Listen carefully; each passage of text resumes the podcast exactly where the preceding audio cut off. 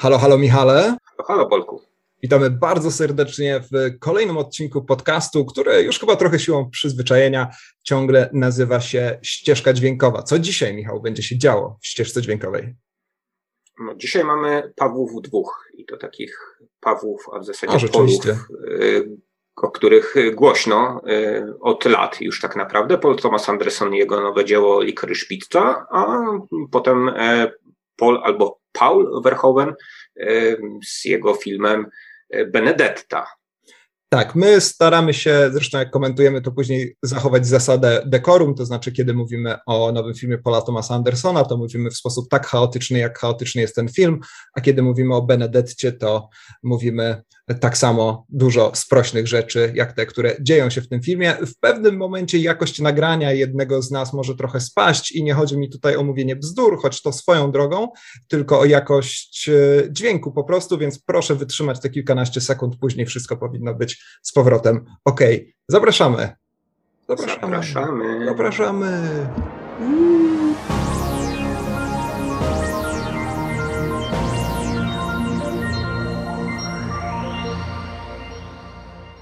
Obejrzeliśmy film pod tajemniczym tytułem Licorice Pizza. Być może ten tytuł uda nam się zgłębić, wyjaśnić, a być może nie. No, bo nie wiem, czy się zastanawiałeś w ogóle nad tym, co ta pizza z lukrecją, tak?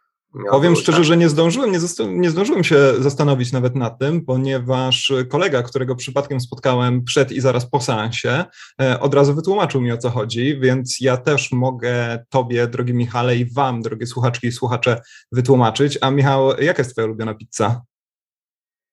No, na pewno nie z lukrecją, to znaczy nie jadłem nigdy takiej, ale jak sobie pomyślę o takim połączeniu, to już zaczyna mnie lekko mdlić, więc mimo tego y, takiego dawnego żartu, że e, dla faceta z pizzą jak z seksem, że nawet jak jest zła, to jest dobra, to to za, za, za taką widzę, podziękuję. Widzę, że wróciliśmy do nagrywania po pół roku i już muszę wycinać żarty, no ale... Nie, no dzisiaj dużo seksu w podcaście, więc to jakby prawda. chciałem tak wiesz, już przygotować naszych Przy, słuchaczy. Przygotowujesz się, tak, tak, tak, do Benedetty, Benedetty lub Bernadetty, o której tak, będziemy no, rozmawiać a, później. A, a, a, tak bardzo szybko odpowiadając na twoje pytanie, no to z, z, zależy od dnia i humoru, bo jak wiadomo na pizzę można wrzucić bardzo dużo różnych smacznych rzeczy. Tak, owszem, ja jestem ostatnio fanem buratty, tak się przyznam, między, między tobą a mną. E, nikomu nie mów, chociaż to nie jest wstydliwe, a właściwie pizzy z burattą. No ale mniej, mniejsza z tym, prawda? E, będziemy o tym rozmawiać, jak e, jacyś słuchacze zaproszą nas kiedyś na pizzę, albo my ich, czemu nie? To ja może zacznę rzeczywiście od czego to jest, od czego pochodzi ta nazwa ale powiem też najpierw, chociaż nie, może później, bo to bardziej pasuje już do atmosfery samego filmu, o której też będziemy sobie rozmawiać, więc anegdotki, wyjątkowo postaram się powstrzymać z anegdotkami, chociaż mnie ciśnie w gardle, ale e, ten Licorice Pizza to jest nazwa na początku jednego sklepu specjalizującego się w płytach winylowych, a później całej takiej mikrosieci, powiedzmy, która gdzieś tam w Kalifornii funkcjonowała. I jeżeli śledzicie nas na Facebooku, tutaj taki dyskretny plug e, naszego, naszego fanpage'a, to już widzieliście nawet zdjęcie e, jednego z tych sklepów, być może nawet pierwszego, bo planuję po naszym nagraniu wrzucić takie zdjęcie w ramach informacji, że żyjemy, jesteśmy obiedzeni lukrecją i, i dalej, dalej nagrywamy. No zakładam, że chodzi tu o to, że winyl to jest taki placek, takie to jest okrągłe i takie czarne jak lukrecja, już, już przetworzona lukrecja, tak? Tak kojarzę z takimi paczkami ze, ze słodyczami, że lukrecja jest, lukrecja jest czarna. Więc stąd ta nazwa. Rozumiem to jako ideę nazwy sklepu z płytami, ale co te, te, tego sklepu z płytami winylowymi nie ma w tym filmie, prawda? Chyba, że przespałem fragment, w którym on się pojawia. O nie, teraz się boję, że zasnąłeś gdzieś, e, bo nie znam twojej opinii na temat tego filmu, to też bardzo po raz kolejny udaje nam się nagrywać w ten, spo, e, w ten sposób, bardzo się cieszę, choć ja troszkę, no tutaj zawaliłem, ponieważ oceniłem ten film na popularnym e, serwisie do oceniania filmów, za, no, i zdradziłem się z tym, czy lubię ten film, czy nie, więc ty tutaj się już mogłeś przygotować, no trudno. E, zwykle to ja gdzieś tam podglądam twoje oceny, a, a swoje ukrywam. E, no wydaje mi się, że bardzo dobrze ten tytuł pasuje do samego filmu, o którym, co to w ogóle za film i tak dalej, bo to zaraz muszę cię poprosić, Michał, żebyś powiedział widzom, o czym w ogóle e, mówimy, ale tylko zasugeruję takie skojarzenie, że no, ten film opiera się w dużej mierze na takim trochę nostalgicznym, aczkolwiek ta nostalgia chyba nie jest siłą napędową tego filmu. Tu się zdradzę, że mnie się ten film ogromnie podobał, z, w San Fernando Valley lat 70. mam tyle wspólnego, co, co, co, co, co nic tak naprawdę. Teraz się zastanawiałem, czy miałem tam jakichś może dziadków albo coś, ale nie, nie mam nic wspólnego w ogóle z tym miejscem w tamtych czasach. E, no jest to raczej takie, film, takie sympatyczne bardzo odbijanie się od miękkiej, jednej miękkiej ściany do, do drugiej dru, miękkiej ściany, żeby w końcu spaść na równie miękkie e, łóżko wodne, więc wydaje mi się, że taki trochę od czapy mm, tytuł tutaj, tutaj idealnie pasuje. Ale co to, co to za film, Michał? O czym my mówimy? Bo brzmi jakbyśmy przećpali Lukrecję po prostu. No, być może tak było. No. Być może tak było. Nie wiecie, co robimy, jak się przygotowujemy do nagrania. Nie, no, cóż, to, cóż to za film? No, ja myślę, że wielu słuchaczy interesuje się filmem na tyle, że, y, zdążyło się natknąć na, te, na ten tajemniczy tytuł. Mówimy oczywiście o ostatnim filmie Paula Thomasa Andersona, który, którego można oczywiście od innych Andersonów odróżniać w ten Minimum sposób, dwóch innych. Mhm. E, nazywać go PTA, tak, albo PTA. Jak to, PTA, choć to brzmi jak jakaś choroba, jak jakiś syndrom. Tak, no więc ja go będę wciąż nazywał Andersonem, mimo że Andersonów mamy bardzo dużo. W historii kina tych Andersonów było oczywiście jeszcze więcej. Mamy jeszcze takiego innego Pola Andersona, który... Mam jeszcze Andersona przez 2S? W ogóle o nim nie pomyślałem jeszcze. E, Roy, Roya Andersona, tak? tak Mieliśmy tak, tak. Andersona, mamy, ale w tym momencie mamy Wesa Andersona, prawda? No, ale ja w tym momencie też myślałem o no i, mm. Polu W.S. Tak, Andersonie, no właśnie. prawda? Więc no nie, ostatnio, nie, no chyba Monster Hunter wypuścił, tak? Bo to chyba jego film. Nie jest nieważne, no, mniejsza z tym. Generalnie w, wypuszcza co jakiś czas y, film ze swoją chyba wciąż żoną Milą Jowowicz, tak? I zwykle ten film jest jakąś tam E, gradaptacją, tak się kiedyś mówiło w boomerskim no, języku. Świetne, e, świetne Na... słowo. Musimy je przywrócić do, do łask, tak jak słowo miodność. Do dzisiaj, drodzy słuchacze, podejdźcie do kogoś na ulicy i powiedzcie mu gradaptacja i on to wtedy zapamięta y, lub ona i, i wróci to słowo do, do powszechnego, za przeproszeniem, dyskursu. Super, Michał. Dobrze, zagłosujesz za tym słowem w przyszłym roku. Gradaptacja czy szpilkolot, moi drodzy?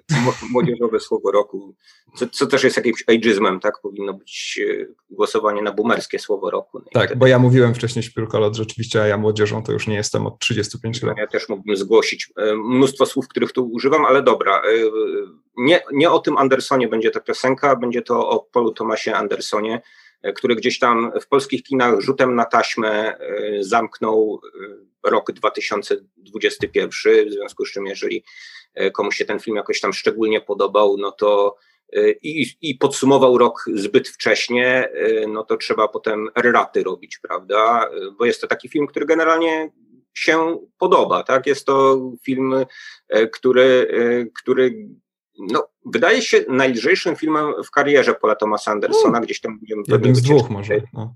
robili do jego poprzednich filmów. No, reżysera, którego też jakoś bardzo szeroko chyba nie musimy, nie ma takiej chyba potrzeby, żeby przedstawiać, no, ale no powiemy, że takie filmy jak Nić Widmo, czy Aż poleje się krew, czy Mistrz, prawda, no to są filmy, które zostały gdzieś tam wszemi wobec artystycznie docenione, konsekrowane, y, poparte Oscarami i y, no i generalnie wzbudziły powszechny aplauz. Y, oczywiście ten aplauz zaczął się y, sporo wcześniej, no bo Thomas Anderson e, to było cudowne dziecko nowego, nowego Hollywood, prawda? Tak, ciągle jest młodziutki, on ma tam 50 kilka lat, nie? Tak, no ale zadebiutował bardzo, bardzo wcześnie, no i te jego wczesne filmy Magnolia... Tak, przed 30. Na... Ryzykant to jest jakiś 96 rok, nie? Coś takiego. Tak, no, tak ten jego, jego debiutancki film jeszcze nie spotkał się z jakimś wielkim rozgłosem, no ale późniejsze filmy Boogie Nights i Magnolia, no już to były takie naprawdę okrzyczane e, filmy i opromienione właśnie, jak wcześniej powiedziałem, laurami różnymi. E, no i tak jak wcześniej wspomniałem, no wydaje mi się, że teraz nakręcił swój taki e, najlżejszy e, film, ale też taki najbardziej luźny pod względem też struktury, kompozycji tego filmu. Może się mylę. Nie wiem, Gdzieś tam z nicią widmo pewnie mógłby ewentualnie. Przepraszam, nie z mhm. nicią widmo, tylko z wadą ukrytą ewentualnie mógłby, mógłby pod tym kątem mm, konkurować ma sporo wspólnego, to znaczy ja zauważam e, sporo wspólnych mhm. E, tutaj e, rzeczy z, z, z, wadą ukrytą, natomiast no, ma też młodszych bohaterów, prawda, zdecydowanie. No, jest to film, który gdzieś tam można byłoby trochę, jeżeli byśmy chcieli w ogóle wpisywać w jakąś gatunkowość, no to wpisywalibyśmy go w tak zwane coming of age movies, tak, czyli film o dorastaniu. Z drugiej strony ma trochę jakichś takich warstw komedii romantycznej. Natomiast pytanie, czy, czy jest tym albo tym, czy jest wieloma rzeczami naraz. Nie wiem, z czym ten film ci najbardziej by się kojarzył, czy jesteś w stanie go w ogóle no, osadzić jakoś albo w filmografii Paula Thomasa Andersona, albo, albo zupełnie no, uważasz, że na przykład to jest przełom, nowe odkrycie, coś, coś, coś, coś Paula Thomasa Andersona, e, czego nie było do tej pory. Trudno pewnie mówić o jakichś e, przełomach u Paula Thomasa Andersona, bo tak naprawdę, no, może nie każdy, ale co drugi film byłby jakimś, jakimś przełomem, bo jednak ktoś kręci, jeżeli ktoś kręci najpierw Magnolię, a później kręci film o uroczym polskim tytule Lewy Sercowy, to, to, to, to, trzeba jednak na niego spojrzeć jako na reżysera co najmniej ekscentrycznego. E, no i pewnie ten Lewy Sercowy byłby takim filmem, który gdzieś tam można by było do pizzy z Lukrecją. Powinno się, chociaż, no nie, ponieważ to jest nazwa własna, to nie ma co tego tłumaczyć na polski, szkoda. A moglibyśmy prosić o dwa bilety na pizzę z Lukrecją w kinie na przykład, trudno. E, no i rzeczywiście mm, Lewy Sercowy był po prostu komedią, komedią romantyczną, tak naprawdę. No to jest film, który, to nie, to nie jest jakieś wielkie, jakaś wielka dekonstrukcja gatunku i tak dalej. To jest raczej film chyba, którym sam e, Paul Thomas Anderson odpoczywał po tej rozdętej, wielkiej, rozwrzeszczanej Magnolii, zresztą bardzo imponującym filmie, ale e, no przecież Lewy Sercowy jest i krótszy, i bardziej koherentny i rzeczywiście mm, bardziej nawet tak prosty emocjonalnie, że tak powiem, niż, e, nie, nie, nie, niż Magnolia, więc tak bym go pewnie gdzieś osadził, ale powiem Ci, że jeżeli miałbym rzeczywiście szukać jakichś wytrychów, no to skorzystałbym z tego, że no właśnie mamy wyrobioną tutaj publikę, słuchaczek i słuchaczy i też nikt, żadna wielka mm, gazetowa korporacja nad nami nie ślęczy, która wymaga od nas prostych komunikatów, no i dzięki temu nie muszę jak w programie telewizyjnym gdzieś tam pisać, że to jest właśnie komedia obyczajowa albo coś w tym stylu. Ja mam trochę wrażenie, że to jest efekt tam taka historia się za tym kryła, że Paul Thomas Anderson e, był pod wpływem jakiejś, e, być może był w jakiejś malignie, może jakiejś covidowej, może nie, może po prostu był pod, pod, pod wpływem jakichś e, bardziej, bardziej klasycznych i zdrowszych przede wszystkim używek, choć wszystko w ograniczeniu i napisał sobie taki scenariusz, po czym otrzeźwiał, obudził się, nie wiedział co się dzieje, przeczytał ten scenariusz i stwierdził, a ki, i tak go nakręcę. E, bo, bo mogę, bo jestem Polem Thomasem Andersonem, ponieważ to jest film, który no pewnie jak, jak teraz o tym myślę to, myślę, to myślę, że on najbardziej mi się kojarzy z tym, że na takim zupełnie generalnym poziomie z takimi e, powieściami dla dzieci, ukośnik młodzieży o, o czyichś przygodach, czy to jest przygody jakiejś rodziny, typu rodzina Bastablów, hmm, chyba, chyba, chyba Edith Nesbit, czy to jest, nie wiem, nawet jakaś Pipi Pończoszanka, to znaczy to takie długie sagi o bohaterkach, bohaterach, którym przydarzają się różne rzeczy. One nie są tak naprawdę ze sobą bardzo porównane, przepraszam, powiązane. Bohaterowie się oczywiście gdzieś tam w trakcie tego jakoś zmieniają, to jest dla nich jakoś istotne, ale jednocześnie te, w tych przygodach najważniejsze jest to, żeby ta konkretna przygoda rzeczywiście była jakoś szczególnie e, atrakcyjna. No więc e, nie spodziewałem się, że porównam kiedyś filmy Paula, Paula Thomasa Andersona do tego typu powieści, które czytałem 50 mm, lat temu, ale takie mam właśnie, właśnie skojarzenia, to by się mogło nazywać właśnie Licorice Pizza albo przygody, wesołe przygody kogoś, kogoś tam. Tak? Jeszcze raz? Pipi Langstrom albo Licorice Pizza, tak? Tak, tak, tak. E, ewentualnie. Tu oczywiście mówię tylko i wyłącznie o strukturze, no bo ten film on się nie trzyma żadnej struktury, łącznie z, ze strukturą czasową, to znaczy e, o ile można się domyślić, kiedy ten film mniej więcej się dzieje, ponieważ tam mamy autentyczne wydarzenia jak kryzys paliwowy w Stanach, to jest co, 73, 4 rok? E, chyba trzeci, czwarty? No jest jeszcze Richard Nixon u władzy, tak? Tak, więc... tak, no i Nixon u władzy, no ale gdzieś tam prawdopodobnie ten czas mija, prawda? Poznajemy bohatera, jak ma 15 lat, później on już robi prawo jazdy, albo może nie zrobił prawa jazdy, po prostu umie jeździć samochodem. Bohaterka mówi raz, że ma 25 lat, później, że 28, później, że znowu 25. E, także ten film, e, no on nie, nie ma żadnych granic, jest po prostu bardzo luźną opowieścią, bez, bez tak naprawdę konkretnego celu i jestem absolutnie zdziwiony, że ten film tak bardzo podobał się mnie, i tak bardzo podobał się rzeczywiście wielu ludziom, bo on jest bardzo wysoko oceniany. Nie chcę powiedzieć, że Paul Thomas Anderson wychował sobie publiczność, no bo właśnie ten film nie ma nic wspólnego z jego poprzednimi filmami na takim poziomie ciężkości, powiedzmy, no bo tak jak mówisz, z wadą ukrytą, czy, czy jak ja wspominałem, z lewym sercowym, na pewno ma dość dużo wspólnego, z innymi też, jeżeli spojrzymy tam na jakieś relacje rodzinne i tak dalej, e, ale mm, dlatego, dlatego nie chcę użyć takiego dość już męczącego powiedzenia, ale może mam nadzieję, że to nie wynika także w moim przypadku z jakiegoś takiego nadzwyczajnego szacunku do Paula Thomasa Andersona, że on nie może nakręcić złego filmu. E, ale o tym sobie pewnie zaraz będziemy rozmawiać, czemu, czemu, czemu on się może tak podobać, bo tobie może się nie podobał, ciągle nie wiem. Mm, no to ja cię mm, potrzymam jeszcze trochę pewności, tak? Dobrze, lubię to. I, i, i niewątpliwie porozmawiamy o tym, czy daje się dodatkowe gwiazdki, jak y, nieliczni przeciwnicy tego filmu sądzą za to, że to jest film Paula Thomasa Andersona. Natomiast e, chciałem tę luźną strukturę też y, jakoś jeszcze e, próbować wytłumaczyć, to znaczy no, gdzieś wpisałbym ten e, film w konwencję takiego no, pseudo-autobiografizmu, prawda, filmowego, w którym sięgamy do jakichś wspomnień z lat młodości i te wspomnienia często są ulotne, prawda? Często pewne epizody pamiętamy bardziej lub mniej, a czasami one się właśnie w jakiś dziwny sposób e, przeplatają ze sobą. Czasami e, trudno nam do końca poukładać, czy coś miało miejsce wcześniej, czy, czy później i w jakim dokładnie wieku byliśmy. No, teraz mówię jak my król w liczbie mnogiej, ale y, no, zakładam, że to, nie jest, mhm.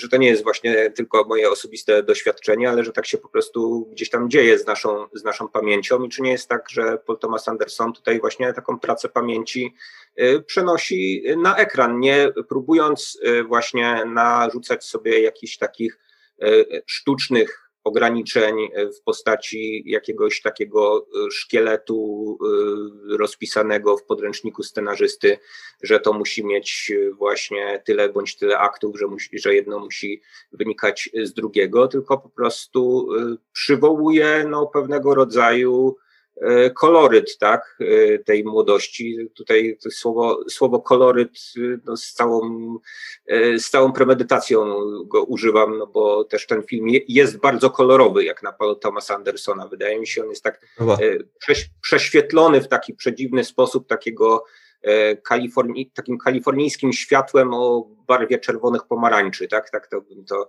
e, bym to nazwał. Dużo tam takich scen, które wydają się gdzieś w promieniach jakiegoś takiego zachodzącego słońca, bądź właśnie jakiegoś, jakiejś takiej poświacie e, bardzo charakterystycznej dla tego miejsca na Ziemi są, są utrzymane, więc więc tak, no wydaje mi się, że to są takie trochę flashbacki do, do czasów młodości Paula Thomasa Andersona. Nie wiem, jak taka interpretacja ci się podoba bądź nie podoba. Jasne, to znaczy, jeżeli chodzi o strukturę, bo cały czas jakby rozmawiamy o strukturze, ponieważ ona jest na tyle intrygująca, że warto jej poświęcić trochę czasu, e, to może rzeczywiście, rzeczywiście tak jest. Przypomniałem sobie zresztą, że tam jest jeszcze jedna sugestia, kiedy to się dzieje, mianowicie w kinie mamy premierę Żyj i pozwól umrzeć E. Bond, e, bondowskiego filmu oczywiście. I to nie jest pierwszy film zeszłego roku, e, który pokazuje w kadrze premierę Starego Bonda. Pamiętasz, jaki film jeszcze pokazywał? Zwróciłeś na to uwagę? Umieściłeś go w swojej dziesiątce ulubionych filmów. Ojej, teraz zagadki będziesz mi tutaj... Last Night in Soho pokazuje premierę Thunderball. Gdzieś no tak. tam, gdzieś tam, gdzie, no tak, gdzie, gdzie, gdzieś tam w tle. Masz, rzeczy, rzeczywiście, czyli no, Last Night in Soho też film, który w jakiś sposób no, ewokuje atmosferę przeszłą, prawda, ale jeszcze o kilka lat wcześniejszą, tak, swingującego tak, i gdzie indziej. E, to, to, jasne. I tutaj e, tak, no więc, więc mogę się zgodzić z tym, że właśnie to jest troszkę na tej zasadzie, że Paul Thomas Anderson sobie siedzi i sobie po prostu przypomina jakieś nie myli się właśnie co do dat tych najważniejszych wydarzeń, bo to są rzeczy, które może sprawdzić sobie w Wikipedii chociażby, ale no jeżeli chodzi o samą, same losy bohaterów i tak dalej, no to one są niezwykle luźne, no i one są też, no to, to jest jednak historia, która w tym zakresie, która została nam przedstawiona, jest stricte nierealistyczna. No i nie chodzi mi o to, że, że, że, że 15-latek podrywa 25-latkę, bo to jest swoją drogą, to jest taka typowa szczeniacka fantazja. I wyobrażam sobie, że jeżeli PTA, o też o nim teraz powiedziałem, e, jakbym, jakbym, jakbym pisał na Twitterze, e, jeżeli, Thomas, e, jeżeli Paul Thomas Anderson rzeczywiście gdzieś tam myślał o sobie jako, jak, jako młodzieńcu, to, to, nie jest też dokładnie tak, bo on się urodził w 70 roku, no ale mniejsza z tym, to, to rzeczywiście rzeczywiście mógł gdzieś tam takie fantazje z, ze swojej podświadomości wygrzebywać jakimś cudem, e, ale no wiesz, tam bohaterowie nagle rozwijają biznesy bez żadnego problemu, e, robią rzeczy no niemal fantastyczne bez żadnego problemu, przecież jest tam bardzo dużo scen, które mają wymiar no wyłącznie anegdotyczny, tak jak fantastyczna zresztą sekwencja, jak bohater niejaki Gary Valentine, bo tego jeszcze nie powiedzieliśmy, e, zostaje porwany, no uprowadzony tak naprawdę przez policję, E, i nawet John C. Riley stojący w pobliżu w przebraniu nie jest, nie, nie jest w stanie go uratować. E, nie wiem, czy usłyszałeś tam Johna, Johna C. Riley'ego, jednego z ulubieńców Paula Thomasa Andersona. Ja, e, ja, wiem, że on gdzieś właśnie w tym filmie występował, ale nie namierzyłem go na ekran. Tak, to ja muszę, muszę się pochwalić, że od razu go rozpoznałem. On jest przebrany za pana Munstera na tym, e, na tym targowisku nastolatków, że tak powiem. Brzmi to trochę jak handel dziećmi, ale wiecie o co mi chodzi. E, I no przecież tam zupełnie nie wiadomo o co chodzi, nie ma żadnej przyczyny, nie ma wyjaśnienia, bohater zostaje wciągnięty, przerzuty, wypluty. No i wyobrażam sobie, że gdybym w wieku 15 lat został zatrzymany przez policję, czy zostałem, nie powiem wam, nie wiadomo, e, to, to rzeczywiście nie pamiętałbym dokładnie o co chodzi, pamiętałbym raczej czyste, czyste emocje, najpierw Mm, ściskania się gdzieś tam z tyłu radiowozu, a później porzucenia w korytarzu, prawda? Więc... No tak, to jest pewnie taka wrażeniowość, którą tutaj się stara, stara Paul Thomas Anderson oddać. Natomiast no nie jest to film, który jest moim zdaniem w jakiś sposób bajką, baśnią czy, czy, czy fantastyką zupełną, prawda? To znaczy, nawet ten, e, to, to, co tutaj e, przywołałeś wcześniej, to znaczy gdzieś tam różnica wieku i tak dalej, e, no wszystko da się w jakiś sposób usprawiedliwić. To znaczy, jednak, tak. bo, znaczy chodzi mi o, o to, że no bohater jest jednak gwiazdą dziecięcą, prawda? To znaczy mhm. taką, tak, tak, tak, taką postacią, za którą e, no, ciągnie się jakiś tam wymiar sławy, prawda? Sama akcja dzieje się w takim miejscu pobliskim Hollywood, w którym e, oczywiście o tę sławę większą lub mniejszą e, bohaterowie się ocierają cały czas. Mamy tu i, i, i przebrzmiałe gwiazdy kina, tak, jak, jak niejaki Jack Holden odgrywany tak. przez. Czemu Jack? E, czemu nie jest to po prostu William Holden, to nie wiem, skoro no, mamy tam autentyczne postaci. No, nie ale... wiem, no być, być, być może William Holden ma jakichś e, spadkobierców, którzy e, mogą zrobić to, co w Dzikiej Bandzie robił William Holden z innymi. Tak. No, w przeciwieństwie do Johna Petersa, tak? Polowi Któremu się nie udało, nie udało. Tak, no być może z Johnem Petersem, nie wiem, Thomas Anderson ja nie wiem, czy on żyje, przepraszam. Tak, chyba żyje. Wydaje mi się, że no to, no to mógł, się, mógł się z nim dogadać na przykład, że, że spoko, no w sumie John Peters mógł powiedzieć, że tak, byłem aroganckim bubkiem, który rozwalał witryny sklepowe, prawda, i, i, i kipiał seksizmem na lewo i prawo. Tak. Nie wiem, jest... jest Molestował jakiś... kobiety w kabinie ciężarówki. No trudno, no pogodziłem się z tym. Jest to jakiś też taki właśnie przedziwny zabieg. Fajnie, że na to zwróciłeś uwagę, że pewne pewne rzeczy, pewne nazwiska zostały przekręcone, inne zostały, e, zostały bez zmian. E, ja nie czytałem żadnych wyjaśnień samego reżysera, jak on na to on patrzy, no więc ja znowu gdzieś to wpycham właśnie na karp e, jakiejś takiej właśnie pracy pamięci, tak, że, że być może Paul Thomas Anderson y, uznał, że, y, że dla bohaterki ten, ten ktoś był jakby kompletnie nieznany, przedstawił się jako jakiś tam Holden, ona przekręciła jego, jego tak. imię, mhm. prawda? Bo jednak, bo jednak ten Jack Holden pojawia się w nimbie sławy, ale takiej nimbie sławy w barze dla przede wszystkim zasuszonych, e, trochę e, no, takich właśnie byłych gwiazdorów, prawda? A bar z kolei istnieje naprawdę, to ci mogę powiedzieć. Bar o tej uroczej, uroczej nazwie istnieje, istnieje naprawdę, więc to jest, to jest tak, masz rację, to jest ciekawa rzecz. No i może rzeczywiście... Tak? Tak, tak jakoś to, to, coś takiego. E, I wydaje mi się, że to rzeczywiście jest bardzo dobre wyjaśnienie, że może na przykład młody Anderson na przykład był przekonany, że Holden ma na imię, no tak jak tam postać Shona Pena. Pamiętasz jak miał na imię? E, Jack. Jack, Jack, właśnie, że, że na przykład całe życie, wiesz, taki efekt Mandeli, tak, tak zwany, że e, Nelson Mandela, wynala, wynalazca efektu Mandeli, e, był całe, całe życie przekonany, że Jack Holden to był aktor, a gdzieś tam w wieku 20 lat nagle się dowiedział, że to jest, że to jest William Holden, prawda, a jednak zdecydował się zostawić tego Jacka, to jest, tak, to jest, to, to jest bardzo ciekawe. No bo... To jest smak, smakowity epizod, prawda, to, to jest, też jest tak, że no właśnie to Hollywood takie prawdziwe gdzieś tam nam tutaj tutaj, tutaj wkracza, ale właśnie w takiej, w takiej właśnie bardzo epizodycznej e, formule. No i to też e, poniekąd trochę też jest film o, o, o jakichś właśnie przemianach w Hollywoodzie, prawda? Mimo, że gdzieś na, gdzieś na marginesie zupełnie, tak, że nie, nie, nie tematyzuje tego Paul Thomas Anderson do tego stopnia jak Quentin Tarantino, tak, pewnego razu w Hollywood, natomiast wydaje mi się, że wielu fragmentach Y, no te filmy można byłoby też ze sobą y, zestawić. Można byłoby tutaj o, o, o, o tych filmach rozmawiać razem. E, tak, absolutnie. To też było jedno z takich moich pierwszych skojarzeń, w sumie jak wyszedłem właśnie z sensu, że e, przecież obaj tutaj gdzieś tam snują swoją bajkę na temat, na temat Hollywoodu, bajkę jednak radykalnie różną. E, a propos właśnie tego Hollywood, funkcjonowania przemysłu i tak dalej, no to tutaj z tego, co właśnie udało mi się gdzieś tam wyczytać, mogę powiedzieć, że sam Gary Valentine, czyli ten grany przez Coopera Hoffmana 15 czy iluś tamkolwiek latek, jest wzorowany z kolei na nie pamiętam niestety nazwiska, ale to na pewno mm, nasi słuchacze, znaczy nie na pewno, bo w sobie po co to kojarzyć, ale jak kojarzycie, to, to fajnie.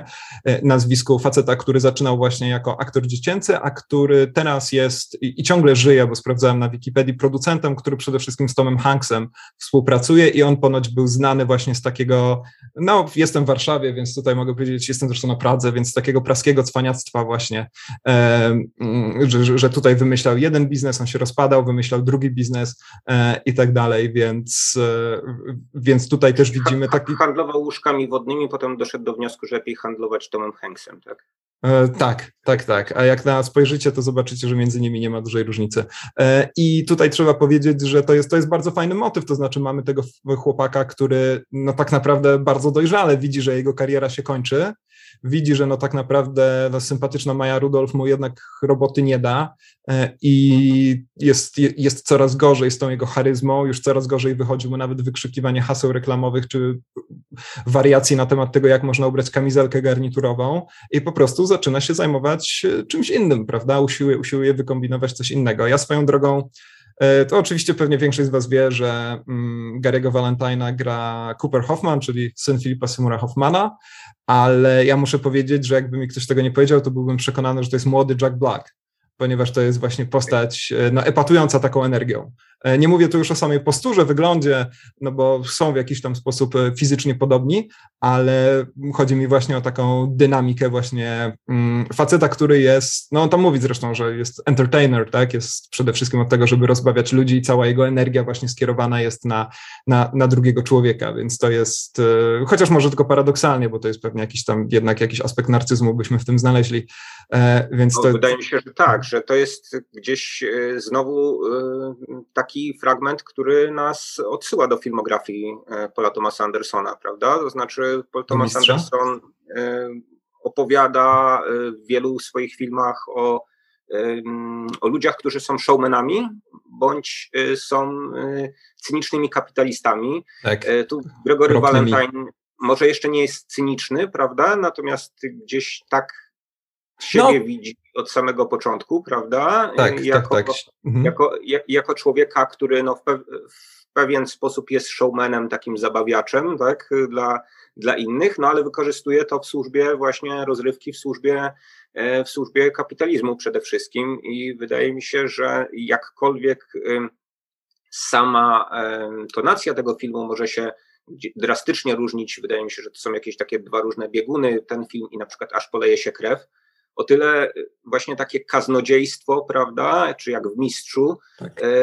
to u Thomasa Andersona zwykle się pojawia, że są, są osoby, które są tak, w skłonne Magdoli manipulować niemal dosłownie. Mhm. są, y, są u niego bohaterowie, którzy są y, skłonni do tego, żeby modelować innych trochę, tak jak, nie wiem, y, bohater Nici Widmo, prawda, Mhm. wdzięcznym nazwisku Woodcock, prawda, on też próbuje w jakiś... Woodcock w to zostaw do omawiania filmu, filmu Verhovena.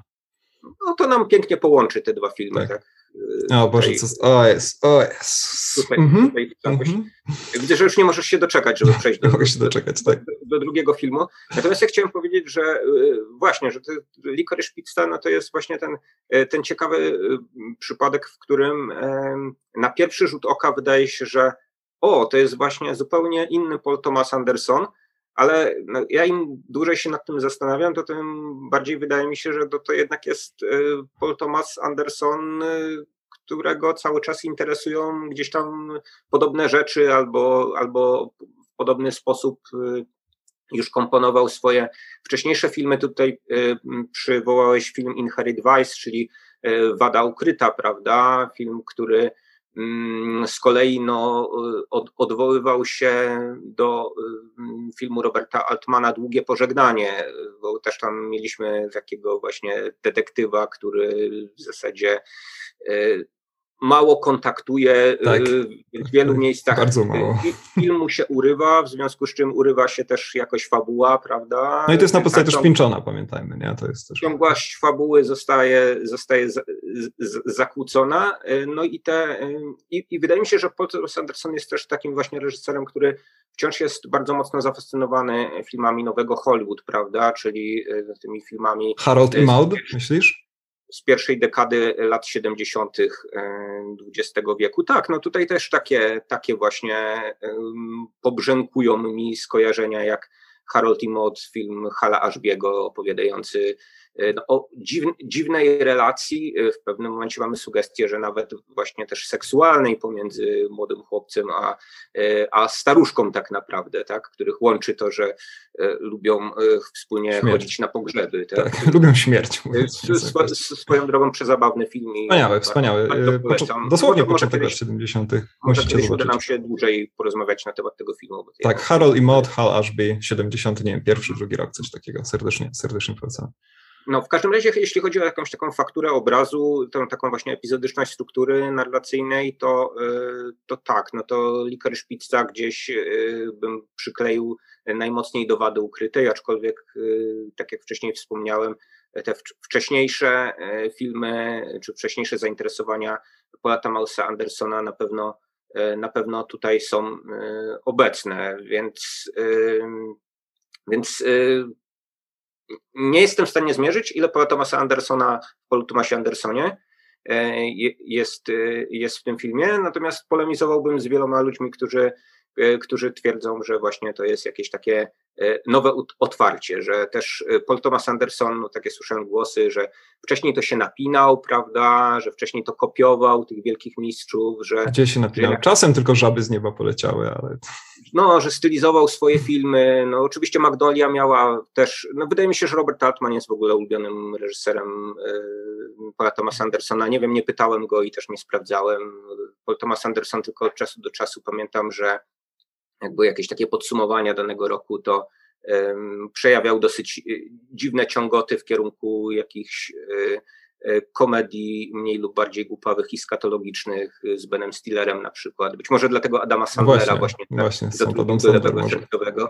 E, Natomiast e, no, gdzieś te e, altmanowskie e, rzeczy e, prześwitują w e, twórczości Paula Thomasa Andersona. No i też przypomnę, że no Robert Altman no, to był taki reżyser, który starał się właśnie dekonstruować tę taką klasyczną e, strukturę, do której Hollywood e, przywykło, tak? że te jego filmy też, e, też często no, wydawały się jakoś tam epizodyczne albo poprzez taką właśnie polifoniczność opowieści, czyli wielość bohaterów, tak, w takich filmach jak Na skróty i Gracz, którą potem właśnie Paul Thomas Anderson trochę jakby kopiował w Magnolii. Tak, E, też formalnie, prawda? No bo też lubi te Mhm. długie ujęcia, te swoje słynne tracking shots, właściwie w każdym filmie musi być jakieś takie efektowne Mhm. ujęcie.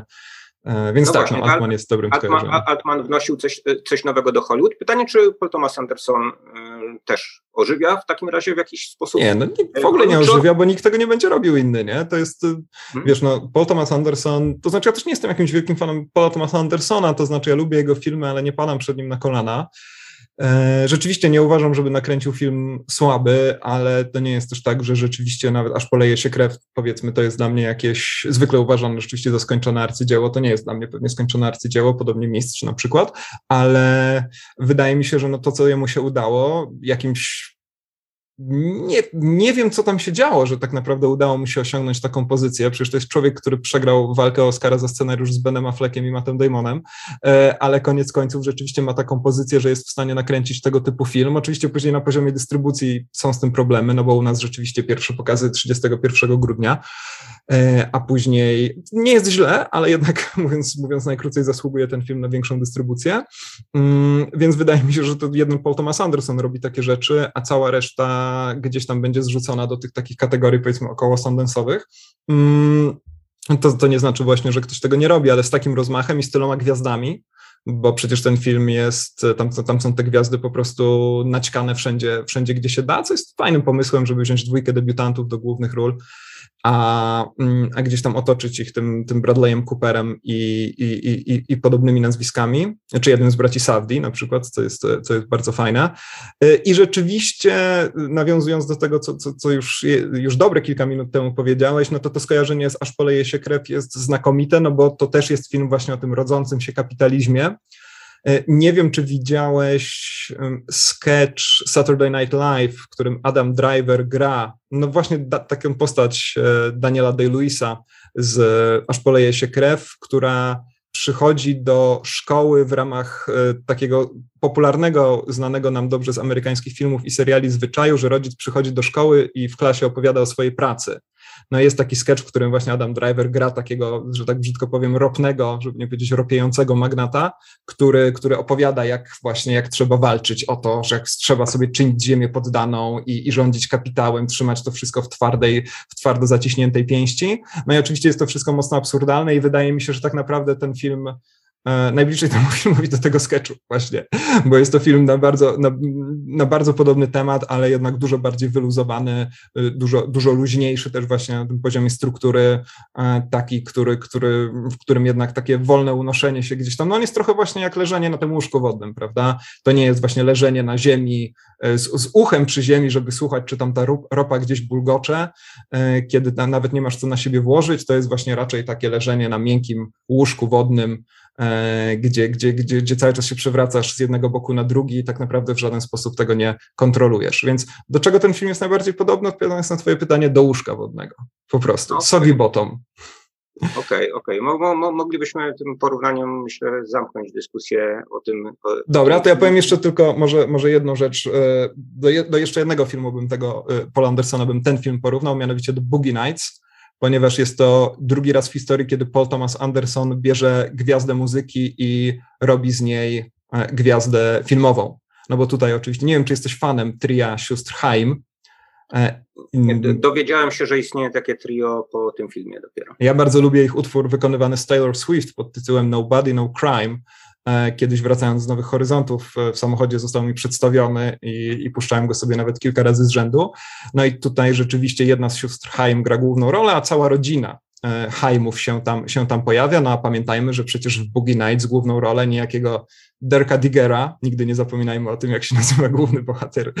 No, E, bo Thomas Anderson też bardzo lubi, tak? Te takie nazwy własne i. y, Der- i Derka Diglera chyba, no ale to jest gwiazda porno, więc to nazwisko musi Tak, tutaj dobrze, dobrze brzmieć. Właśnie wyraziste nazwiska, jakieś Tak, plęgi, łuk, ale gra go, y, gra go człowiek, który wtedy po, posługiwał się równie ambitnym pseudonimem, czyli Marky Mark, prawda, czyli Mark Wahlberg, e, Tak. który no, wtedy akurat był chyba w jakimś dołku swojej kariery, bo to był chyba Um.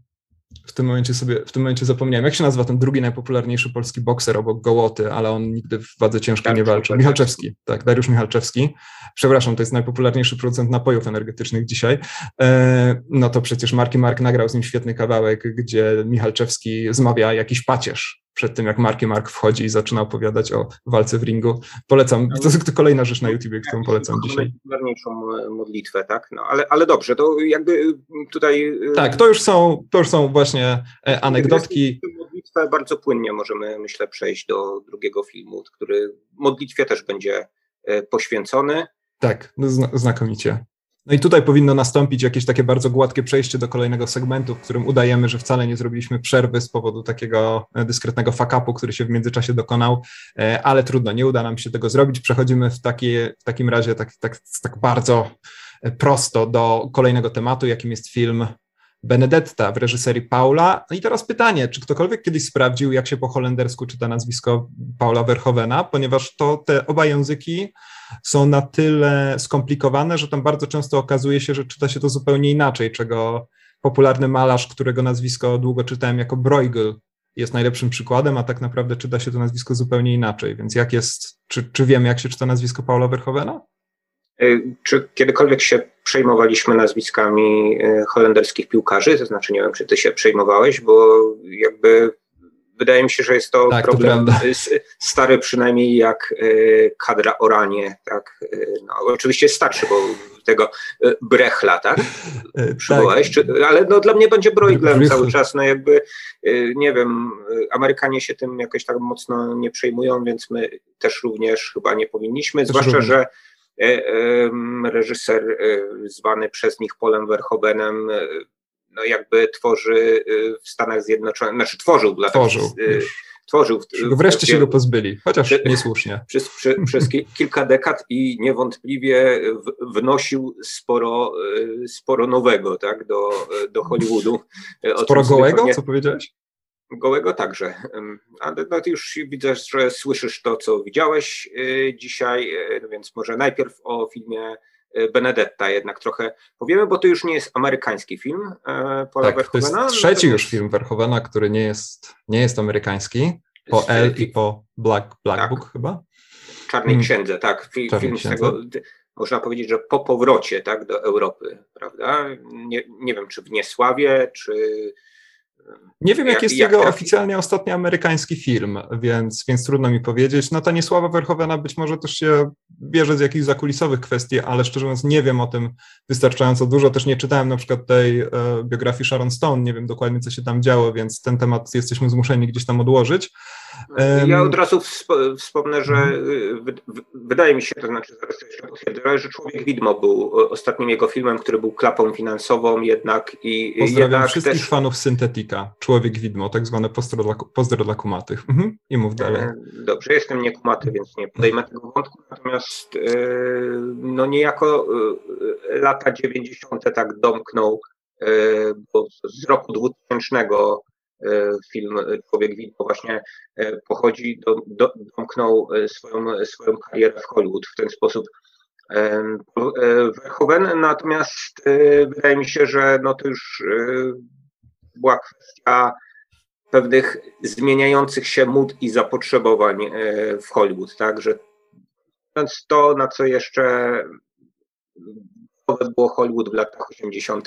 czy 90., no już e, w wieku XXI by nie uszło, więc te wszystkie e, obsesje e, Verhovena, które krążą zwłaszcza wokół seksu i przemocy, no ciężko byłoby mu sprzedać w Hollywoodzie i też udawać przed, przed producentami, że kręci kino komercyjne, podczas gdy no, wrzuca tam właśnie te swoje, swoje manie, obsesje czy zainteresowania, jakkolwiek byśmy to nie nazwali, bo to, no to przypadek.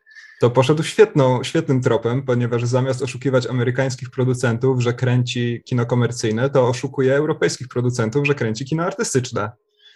No nie wiem, nie, nie, nie wiem z jakim nastawieniem y, właśnie francuscy producenci, to jest zresztą koprodukcja chyba z tego co się orientuje. Na pewno holendersko-francuska, ale mhm. trzeba, kiedy ten film, zwróćcie uwagę na czołówkę, tam chyba pierwsze sześć plansz jest poświęcona instytucjom, które dorzuciły się do tego filmu. E, no to, Więc tego jest bardzo, bardzo, bardzo dużo, tak. Tra, tradycja e, właśnie takiej zrzutki europejskiej, prawda, na, e, na, na film, zresztą nie wiem, Czarna Księga też była jakimś takim podobnym przypadkiem. Bo na tak, no to jest, to jest rzeczywiście tradycja europejska. Nie tylko każdej takiej mniejszej kinematografii, powiedzmy, każdej mniejszej niż hollywoodzka czy, czy bollywoodzka, to tak, no, zrobienie filmu kosztuje bardzo dużo, więc rzadko jedną instytucję stać ale na to. to żeby... na, tak, ale to nawet, nawet niekoniecznie chodzi o, o to, że te filmy mogą być jakoś super kosztowne, natomiast jakby ich potencjał zwrotu jest po prostu też na, na tyle mały, że w, w koprodukcji no, łatwiej oczywiście uzyskać e, środki z różnych funduszy pokroju Limasz na przykład, prawda?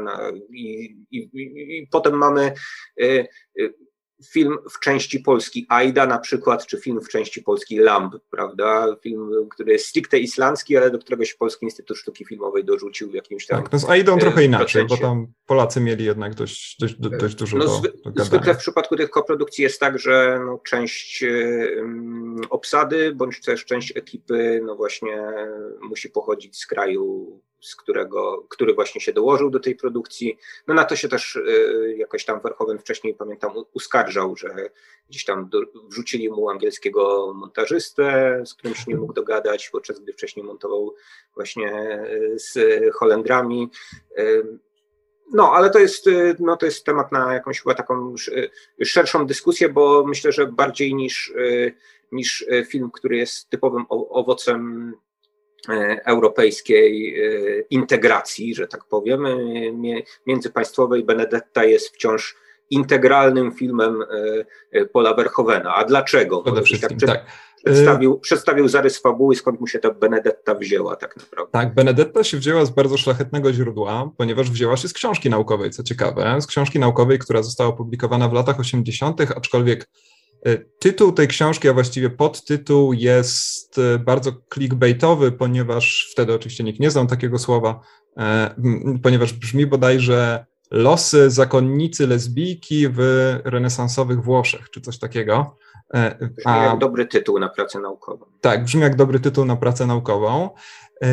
I rzeczywiście Benedetta opowiada o tym, co na początku XVII wieku wydarzało się w pewnym małym włoskim klasztorze, rządzonym twardą ręką przez e, matkę, jak to się zapomniałem, jak to się ładnie nazywa, nie matkę przełożoną, matkę, matkę przełożoną, tak, graną tutaj przez Charlotte Rampling i e, do tego zakonu w wieku dziecięcym jeszcze trafia nasza tytułowa Benedetta, no jak w takiej klasycznej średniowiecznej opowieści, no już jej przybyciu towarzyszą różne cuda, E, później mamy 18-letnią elipsę, bo czemu nie? E, poznajemy dorosłą 18, to znaczy no ona tam ma 20 lat z hakiem, Benedettę, która ma wizję, e, ma wizję Jezusa jako bohatera kina akcji, bardzo takiego seksownego, co jest zresztą bardzo istotne też w kontekście innych takich kontekstów, o których chciałbym, żebyśmy sobie porozmawiali, no a jednocześnie zostaje błyskawicznie uwiedziona przez nowo przybyłą do, hmm, chciałem powiedzieć do stadionu, ale nie, do zakonu Bartolomea, no i rozpoczyna się romans między tą dwójką, y, a równolegle trwa wątek tego, że te wszelkie objawienia, które,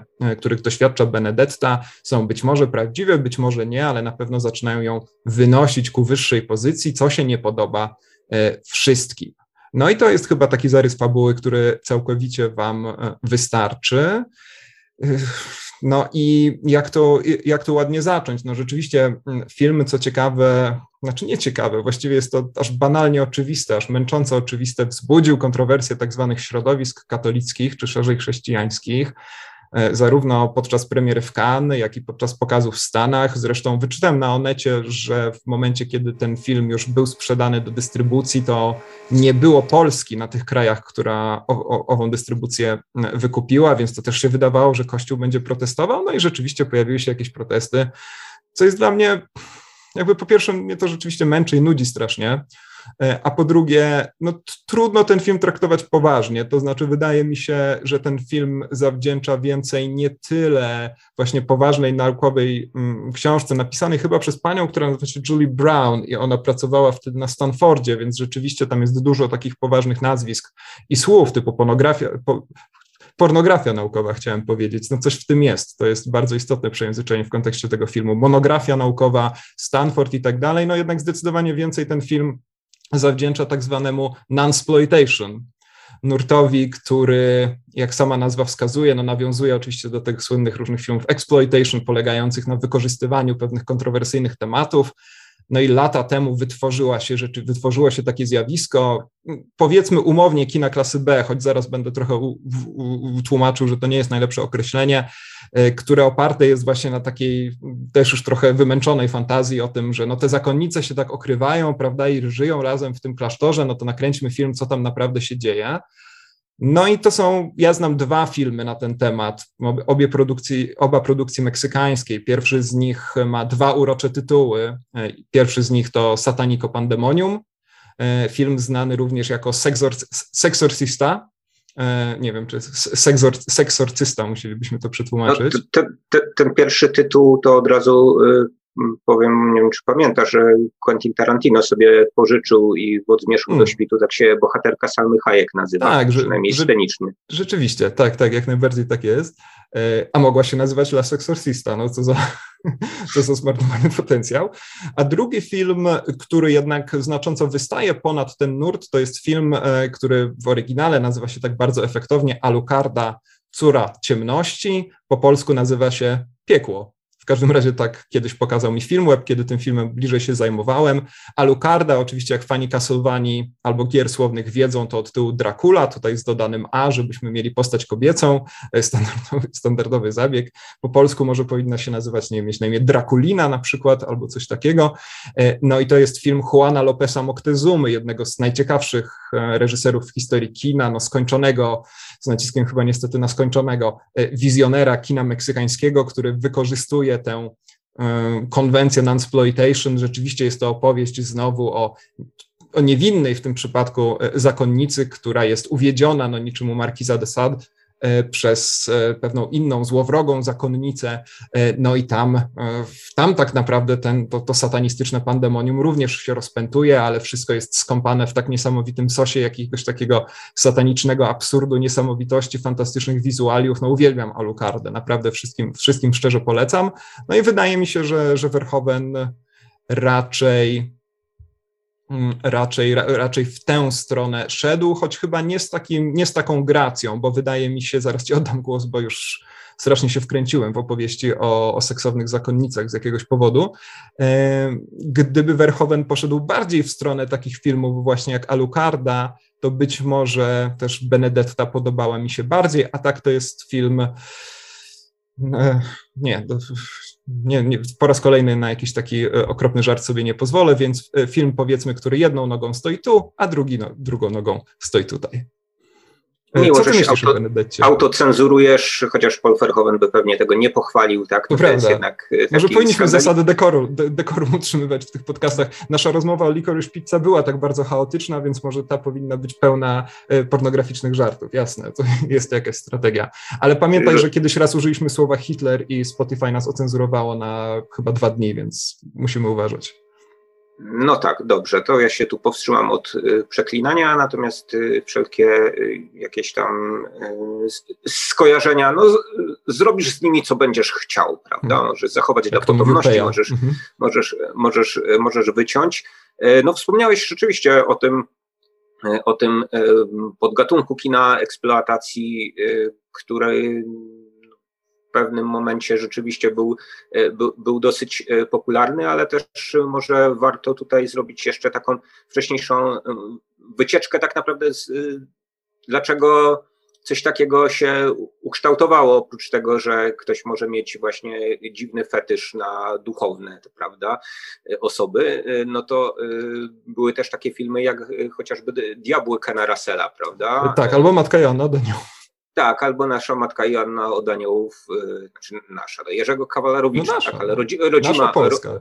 Ro, ro, rodzima Polska, w, w, obu przypadkach gdzieś tam Diabły z Ludem były um, podstawą tych, y, tych opowieści. Y, opowieści mniej lub bardziej ekstatycznych, no bo Ken, Ken Russell, jak być może nasi słuchacze wiedzą, no to jest taki reżyser, który właśnie był takim reżyserem ekscesu i być może gdzieś e, pod tym względem jemu jest, e, e, jemu było dosyć blisko do, do Verhovena, bo też brał opowieści, które no, wydawały się, no, gdybyśmy opowiadali fabuły, że tu mamy do czynienia z jakimiś być może gatunkowymi, zwłaszcza biograficznymi historiami, prawda? A no, okazywało się, że, że Russella interesuje właśnie te, te, taki, taki wizualny eksces daleko, daleko posunięty i gdzieś tam naginanie historii, jakieś wrzucanie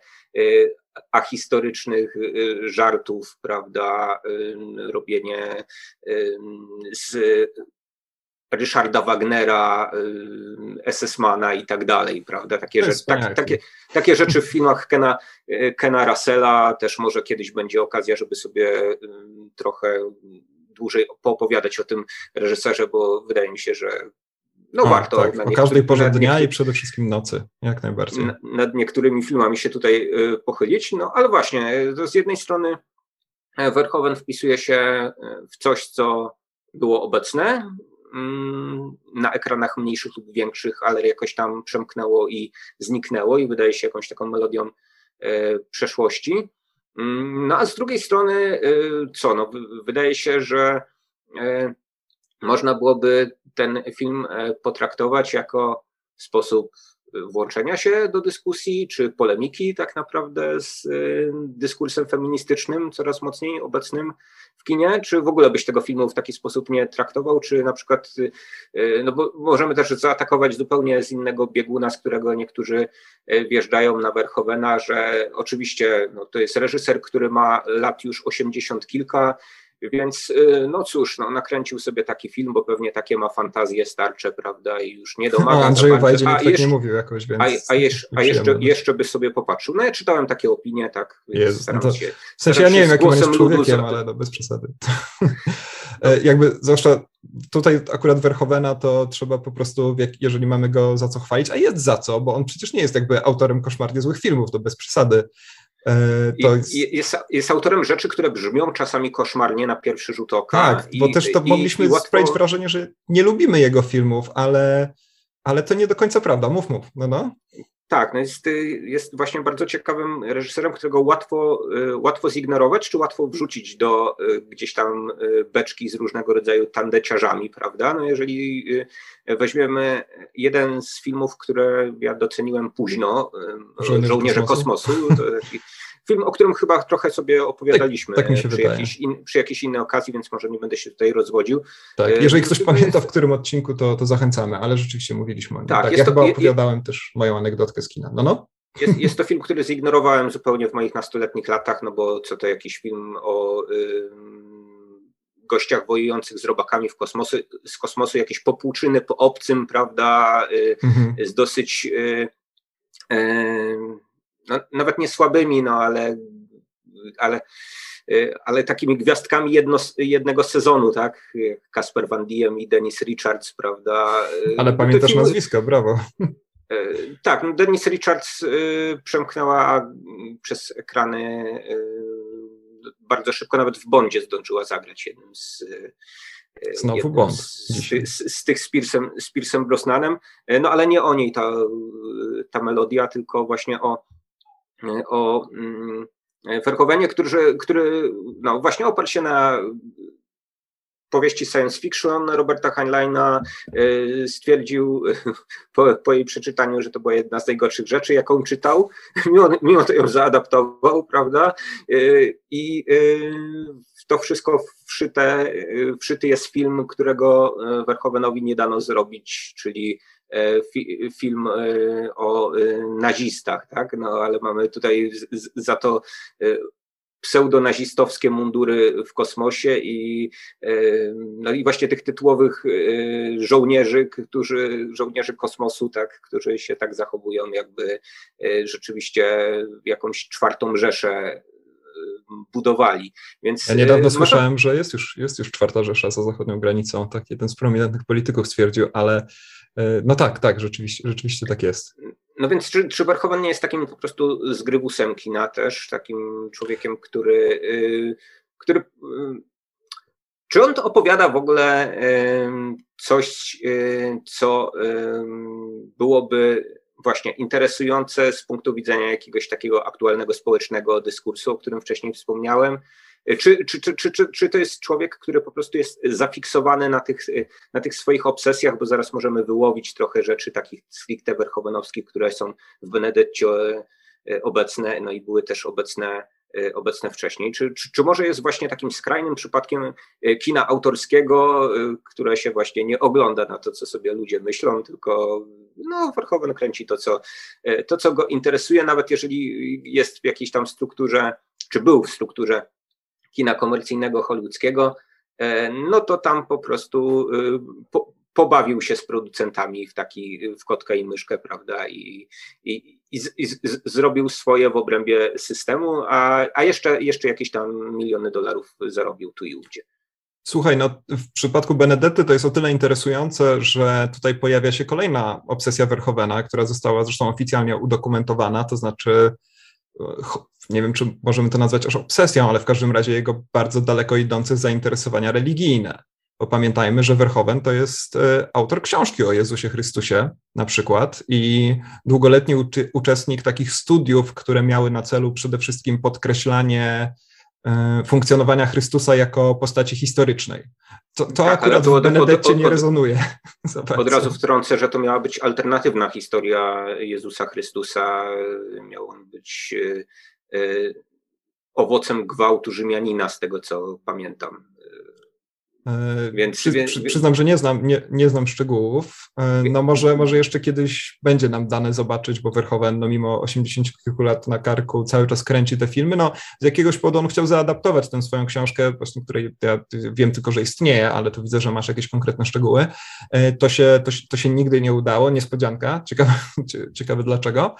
Zamiast tego powstaje ta Benedetta. No i teraz podstawowe pytanie, które zadałeś, jeżeli dobrze je zrozumiałem, czy rzeczywiście ona coś komentuje, mm, bierze w swoje, w swoje łapska bieżące sprawy życia codziennego. Wspomniałeś o jakimś innym podejściu do popularnego dzisiaj feminizmu. Ciekawie pewnie będzie ten film e, może zestawić z ostatnim pojedynkiem Ridleya Scotta, który też przecież dzieje się w średniowieczu, pokazuje pozycję kobiet, w tym przypadku akurat świeckich, aczkolwiek no tam ta rola zakonnicy, choć tylko przedstawiana chyba w dialogach, też jest dość, dość istotna. E, nie widzę tutaj, znaczy przede wszystkim powiem tak, dla mnie ten film jest e, niepoważny. To znaczy dla mnie, nie lubię takich określeń, ale naprawdę wydaje mi się, że to, to, ten film jest tak niesamowicie prostacki. Tam wszystko jest tak zupełnie jednowymiarowe. Nawet jeżeli Verhoeven stara się zbudować jakąś zagadkę, stara się zbudować jakąś tajemnicę, to biorąc pod uwagę, że ta tajemnica gdzieś rozgrywa się między postaciami wyciętymi z kartonu, to, to zupełnie mnie to nie interesuje. No i zostaje właśnie to taka atrakcja specyficznie dość przez Verhoevena mm, pojmowana, która trochę przypomina jakby e, okładkę jakiegoś jednoosobowego black metalowego zespołu, prawda? No właśnie torturowane nagie zakonnice i tak dalej, więc Trudno. Też wszystko w takiej kolorystyce utrzymane, prawda? Jak y, y, heavy metalowe zespoły, czy nie wiem, komiksy o Konanie, tak miały w zwyczaju. Y, może, może troszkę tak, zwłaszcza w momencie, kiedy pojawia się tak zwana pogoda z komputera, ponieważ w pewnym momencie niebo rozświetla przelatująca kometa, która, no, wszystkie instytucje, które zrzuciły się na ten film, chyba nie miały pieniędzy, żeby, żeby przedstawić to jakoś w jakikolwiek sensowniejszy sposób. Więc ja od razu powiem, że to jest film tego typu, który nawet jeżeli usiłuje coś powiedzieć, no to trochę zatrzymuje się na etapie przekazu społecznego dziewczyn z Dubaju. E, to znaczy,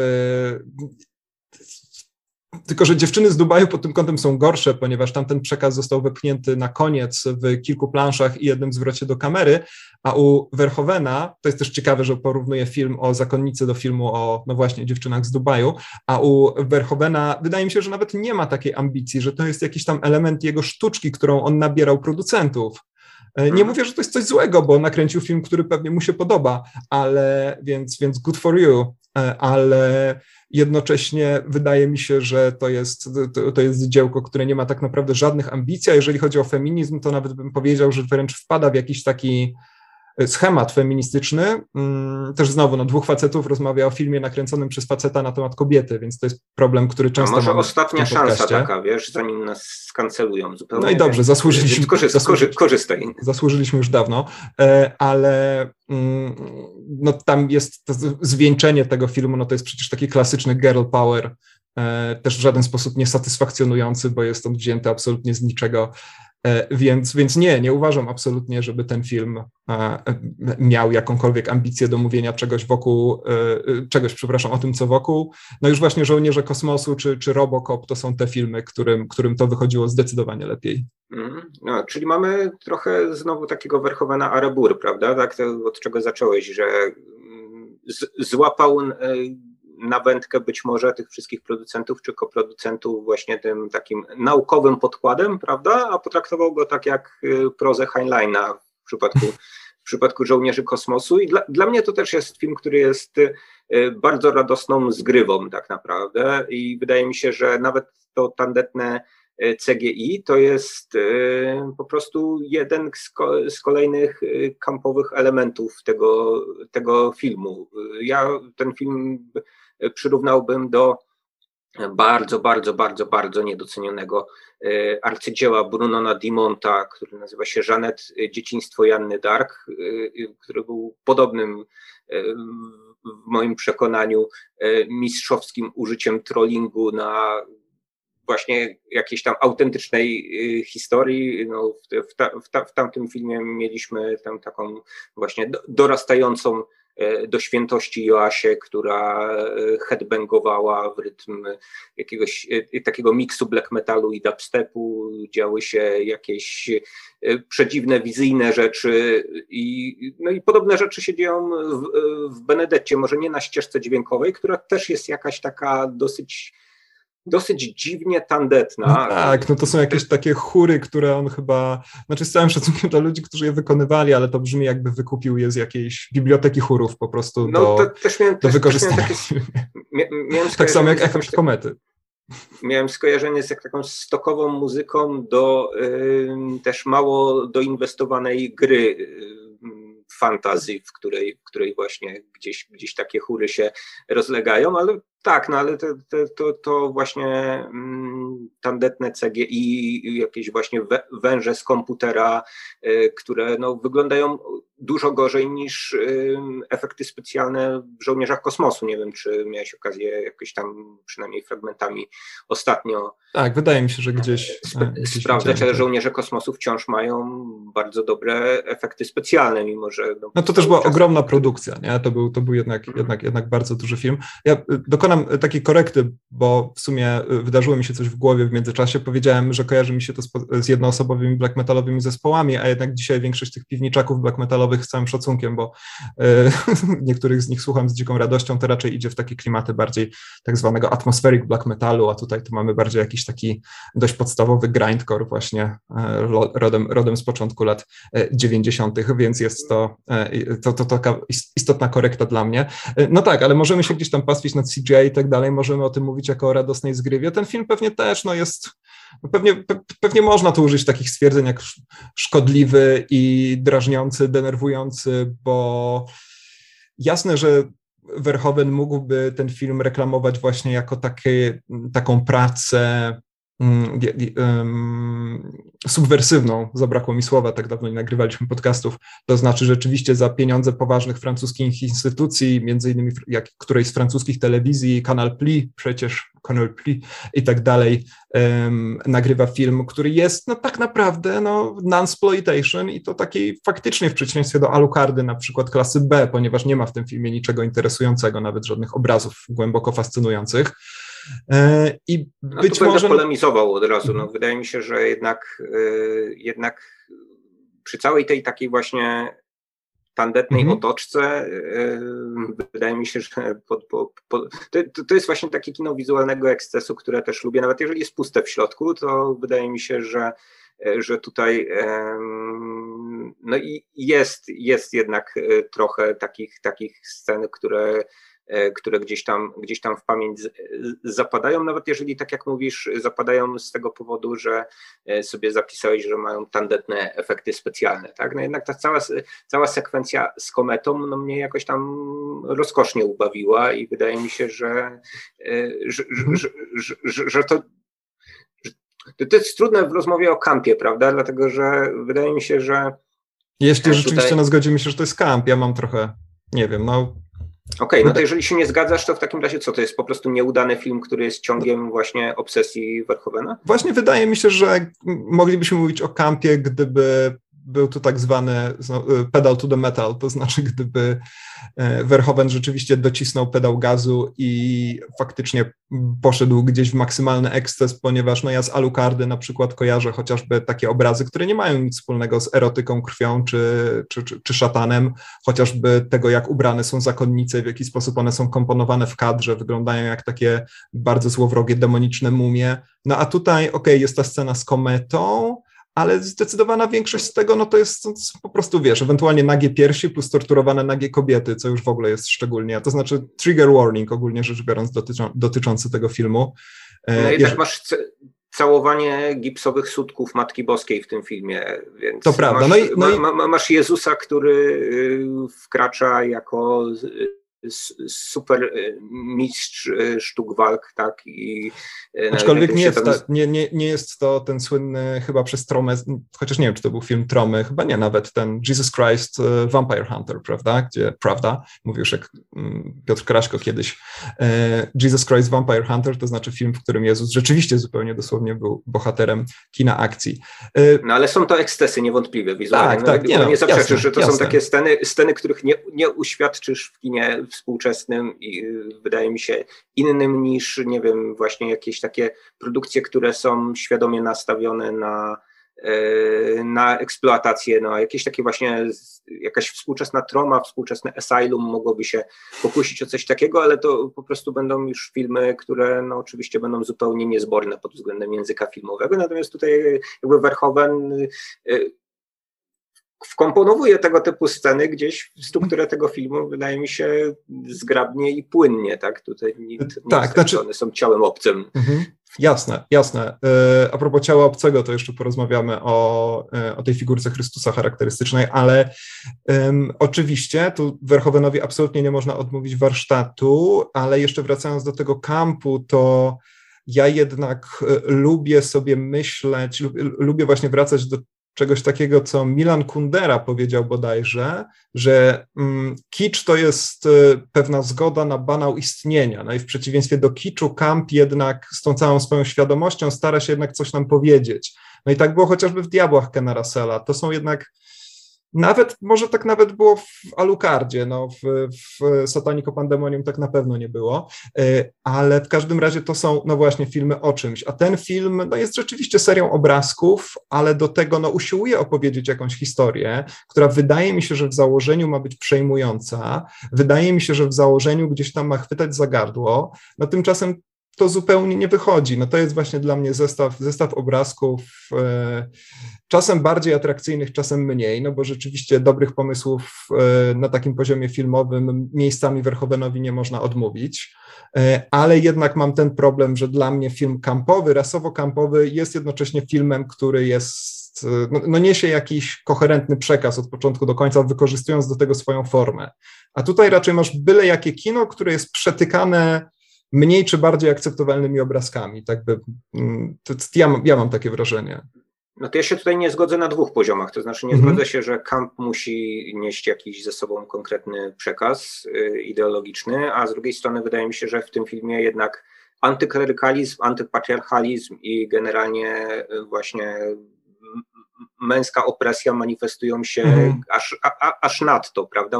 Można powiedzieć, że to jest wręcz jakoś takie e, łopatologiczne, gdyby właśnie nie ta otulina kampu, gdyby nie to, że właśnie to jest wszystko e, po prostu tutaj e, na wierzchu pod każdym względem, w związku z czym no, mnie to nie razi, dlatego że mm cały czas wiadomo, że mamy do czynienia z, z, z, jakimś, z jakimś ekscesem. Jeżeli ktoś by kręcił um, świadome kino e, religijne, czy nawet jakieś takie postreligijne, powiedzmy, e, w rodzaju e, wcześniejszego Bruna Dimonta, zanim zrobił takie właśnie odjazdy tak, realnie tak, tak. dark, mhm.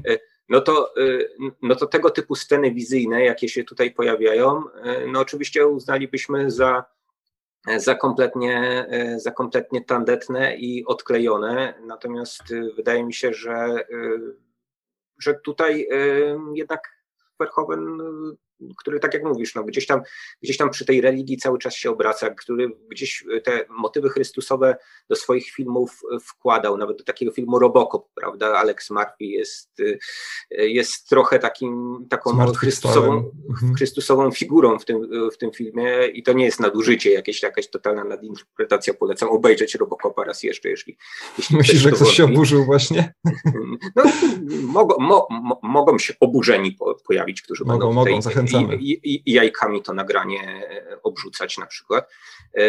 Natomiast no, wydaje mi się, że Wydaje mi się, że Verhoeven, który właśnie, mimo że gdzieś tej religii był bliski, deklaruje się jako ateista, no, obnaża jakąś taką jasełkowość, tak? Też takiego tego spektaklu katolickiego y, czy chrześcijańskiego bardziej generalnie wyobrażenia o y, pewnych, y, pewnych rzeczach czy figurach właśnie z tej, z tej właśnie chrześcijańskiej mitologii, tak? Że to wygląda po prostu jak, jak taki tani teatrzyk i przypominam też, że ten film się zaczyna od taniego teatrzyku, takiego właśnie późno średniowiecznego, no to już czasy renesansu tak naprawdę, dans macabre scenicznego, gdzie mamy tam błazna na scenie goniącego szkielety i e, za przeproszeniem e, podpalanie pierdów, tak, więc a, a, a chwilę później właśnie też nie spoilując za mocno tego, tego filmu wydarza się inny skatologiczny żart, tym razem z pewnym ptaszkiem związany,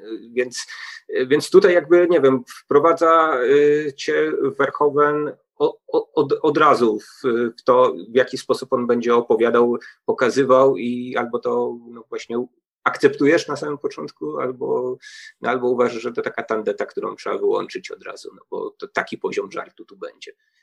Powiem Ci szczerze, że być może jakbyśmy jeszcze dużo dłużej rozmawiali, to gdzieś tam faktycznie mógłbym się zbliżyć do tego Twojego przekonania, ponieważ e, no, im bardziej oddalam się od tego seansu, to tym bardziej pamiętam przede wszystkim te e, elementy no właśnie, ekscesyjne, jakie, jakie słusznie pewnie nazwałeś, e, a coraz rzadziej pamiętam właśnie te takie rozpaczliwe próby konstruowania jakiejkolwiek fabuły.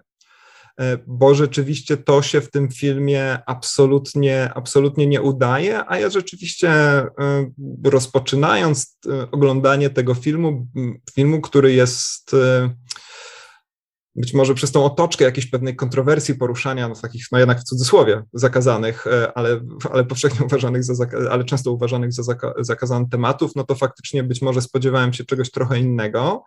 E, I faktycznie, jeżeli gdzieś tam odpadam od tych prób, to, to, to, wspomnienia o tym filmie nagle nabierają bardziej kolorowych barw, nie wyglądają tak ponuro klasztornie, y, ale jednocześnie no, będę pamiętał o tym, mam nadzieję pamiętać o tym, że jest tam wyraźna próba opowiedzenia jakiejś zajmującej historii, która spala na panewce.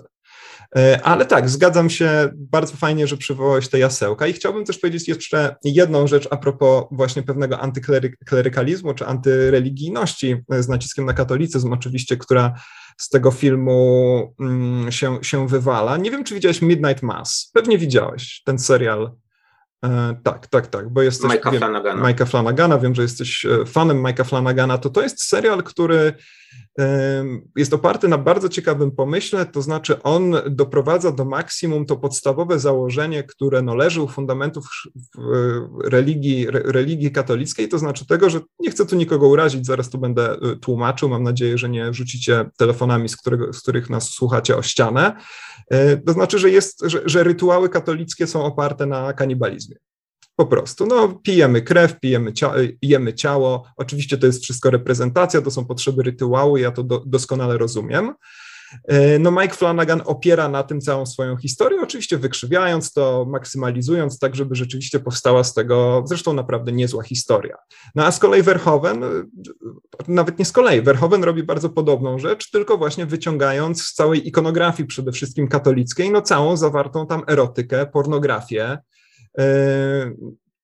żeby, żeby jakąś ekstazę świętej Teresy, która kiedyś e, bardzo dziwnie wyglądała na jakimś moim e, podręczniku, jeszcze, jeszcze w podstawówce, wymienić. No tutaj bardzo fajnym takim tekstem towarzyszącym jest, uwaga, Sex Education, również zresztą serial Netflixa, gdzie ten chłopak, którego imienia niestety nie pamiętam, no ale kojarzymy go jako homoseksualnego kolegę głównego bohatera, e, ma nad łóżkiem tego sexy Jesus, jak on go nazywa, czyli rzeczywiście Jezusa w takiej mm, formie, no oczywiście tylko ubranego w przepaskę, tylko i wyłącznie, e, no ale w tej jego wersji Jezus jest tak nadzwyczajnie przypakowany. No i niemal w każdej wersji Jezus rzeczywiście, krucyfiks w ogóle to jest takie jakieś dziwne połączenie, jakieś makabry z erotyką, prawda? To jest zawsze piękny mężczyzna, który jest mężczyzną umęczonym, krwawiącym, więc no tak naprawdę z tej, z tej ikonografii cały czas bulgocze gdzieś tam to połączenie właśnie makabry i, i erotyki. E, myślę, że kiedy rozejrzelibyśmy się po ścianach dowolnego kościoła, to bylibyśmy w stanie bez problemu coś takiego zidentyfikować. E, no i Verhoeven rzeczywiście bierze to, wywala na wierzch, doprowadza do, jakiegoś, do jakiejś przesady, jakiegoś ekscesu i na tym poziomie rzeczywiście wydaje mi się, że to działa. No bo to, czy to nie jest właśnie kwintesencja zainteresowań Verhoevena? To znaczy ta makabra i erotyka no, zawsze się u niego pojawiały, prawda? Ale po raz pierwszy pojawiają się właśnie w taki sposób y, otwarty, to znaczy to, te, ten symbolizm właśnie y, religijny bądź erotyka właśnie były odseparowane od siebie. Natomiast mhm. w, tym, w tym filmie właśnie wszystko jest na wierzchu.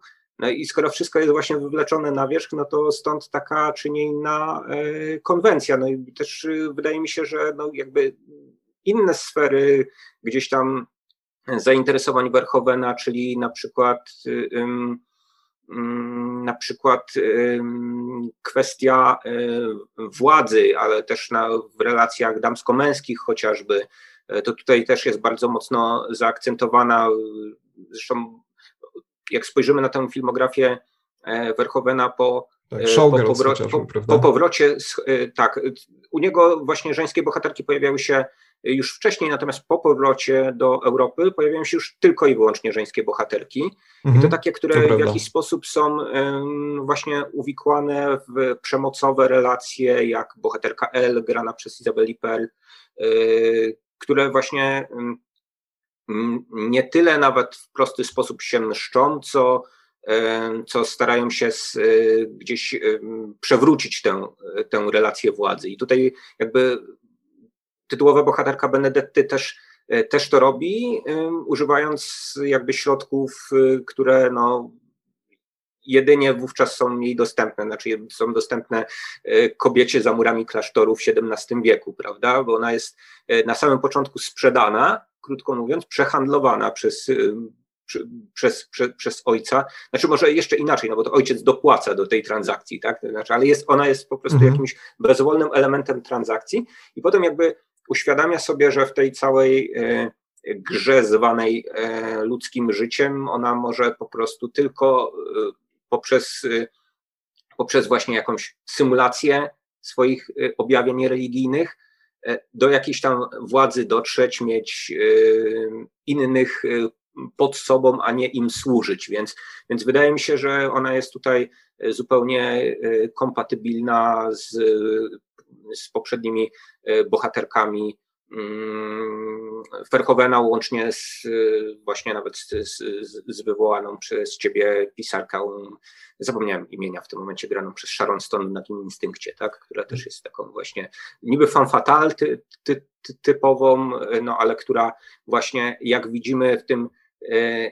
jednak skrajnie seksistowskim, szowinistycznym męskim świecie, właśnie wyrąbuje sobie tym szpikulcem do lodu e, gdzieś tam drogę nad tych, nad tych mężczyzn, sprawia, że to jej się boją, a, a nie ona się musi bać innych, prawda? Więc, więc to jest, wydaje mi się, coś, co, co, co Verhoevena e, cały czas interesuje i nawet jeżeli w Benedetcie to wszystko jest w tej kampowo-kiczowatej poświacie, e, to wciąż dla mnie jest w jakiś sposób fascynujące i inne y, nikt inny się na taki film pewnie, pewnie szybko nie, nie zdobędzie, nie, tak, to nie znaczy, z taką klasą. Powiem ci, że właśnie zaczynają pojawiać mi się w głowie jakieś takie fascynujące analogie między tym filmem a Showgirls chociażby, mhm. no bo Showgirls opowieść o dziewczynie, która przyjeżdża do Las Vegas, tam zostaje tancerką egzotyczną, e, gdzieś tam e, ociera się tak naprawdę no, no, na najgorsze strony tego biznesu, no to to jest rzeczywiście opowieść o kobiecie, znowu właśnie to jest młoda dziewczyna, e, pewnie w podobnym wieku co, co, co Benedetta, która stara się odnaleźć gdzieś tam w tym świecie rządzonym przez mężczyzn, stara się przynajmniej jakąś namiastkę władzy zdobyć za pomocą swojego ciała, z tym, że to jest ciało całkowicie erotyczne. Tu nie ma żadnych żadnych po, wątpliwości. Poznaje reguły gry, adaptuje się do niej i potem Tak. stara się, żeby inni grali na ich warunkach. Tak, dokładnie, ale chodzi mi przede wszystkim z naciskiem na to, że tutaj to ciało odgrywa przede wszystkim funkcję pobudza, pobudzania seksualnego e, ko, kogoś na zewnątrz. Tymczasem, a, a, podobnie tak naprawdę jest u Bened- Benedetty, to znaczy też mamy kobietę, która orientuje się, że ona będzie w stanie być w jakiejkolwiek, nawet najmniejszej, ale jednak pozycji władzy, tylko i wyłącznie dzięki swojemu ciału. Tylko, że tutaj nie mamy już do czynienia z taką bezpośrednią erotyką, tylko bardziej właśnie z tym cierpieniem, umiłowanie Boga jako cierpienie. No przecież sama idea stygmatów, to znaczy tego, że rzeczywiście zostajesz naznaczony przez Boga, czy naznaczona przez Boga, dlatego że po prostu ohydne rany otwierają się w pięciu czy sześciu miejscach Twojego ciała, e, jest, jest najlepszym tego przykładem. No i tutaj bohaterka w pewnym momencie dostaje stygmatów, nie wiadomo dokładnie w jakich okolicznościach, e, ale okazuje się, że co, że brakuje jej jednej rany. Więc ta jeszcze jedna rana musi się pojawić. To, to, to ciało musi zostać jeszcze bardziej okaleczone, żeby ona rzeczywiście została no, wyniesiona na ołtarz. Niemal, niemal dosłownie, bo chyba świętą jednak nie udaje jej się zostać. Ale, ale to jest niezwykle ciekawe, bo to jest znowu kobieta, która za pomocą swojego ciała stara się w opresyjnym środowisku odnaleźć. Tylko, że no właśnie, bo ten, ten wątek erotyczny tak naprawdę, to znaczy wątek jej relacji z Bartolomeą jest w gruncie rzeczy wątkiem pobocznym. Można się nawet zastanowić, czy gdybyśmy wyrzucili całkowicie ten wątek z Bartolomeą, to ten, to, ten postęp akcji jakoś bardzo dużo by, by, stracił. To już wymaga ponownego obejrzenia tego filmu e, i jakiejś głębszej analizy, ale ten wątek erotyczny wydaje mi się jest tak naprawdę tutaj mniej istotny niż wątek takiego umęczenia ciała, samookoleczenia się. W końcu, kiedy bohaterka przecież, no właśnie, kiedy ona zostaje wytrącona z tej pozycji władzy, to albo musi się jeszcze bardziej okaleczać, albo udawać martwą, udawać, nie udawać, to już znowu nie wiadomo, co się do końca stało, więc to jest z kolei droga do, no to może nie do zwycięstwa, ale, ale droga, która wydaje się do tego zwycięstwa prowadzić. Właśnie umęczanie swojego ciała, tak bardzo przecież katolickie u, znaczy, u samych ja, podstaw ja, leżące. Ja po, po, po, części się zgodzę, ale jednak nie do końca, dlatego że uważam, że właśnie ta droga erotycznej namiętności, którą Benedetta poznaje mhm. w pewnym momencie, tak naprawdę przekształca jej wizję i wyzwala ją z pewnego rodzaju myślenia o tym, kim ona być powinna okay. i na jakim poziomie jest akceptowana w tym środowisku. Zauważ, że ona na samym początku dostosowuje, czy to są zmyślone wizje, czy prawdziwe, to jest właśnie też ciekawe, że Verhoeven to jakoś tam zostawia, że no, do końca nie tak wiemy, że no, no, no, wiadomo, mhm. że ra, raczej zmyślone, ale jednak, że na początku one są kwestią kwestią pewnego rodzaju dostosowywania się do tego, co od niej właśnie oczekuje. Rodzina na przykład, potem przełożona, czy jak ona właśnie widzi swoją, swoją rolę jako tej takiej właśnie oddanej Bogu, w całej oblubienicy Chrystusa wręcz, prawda?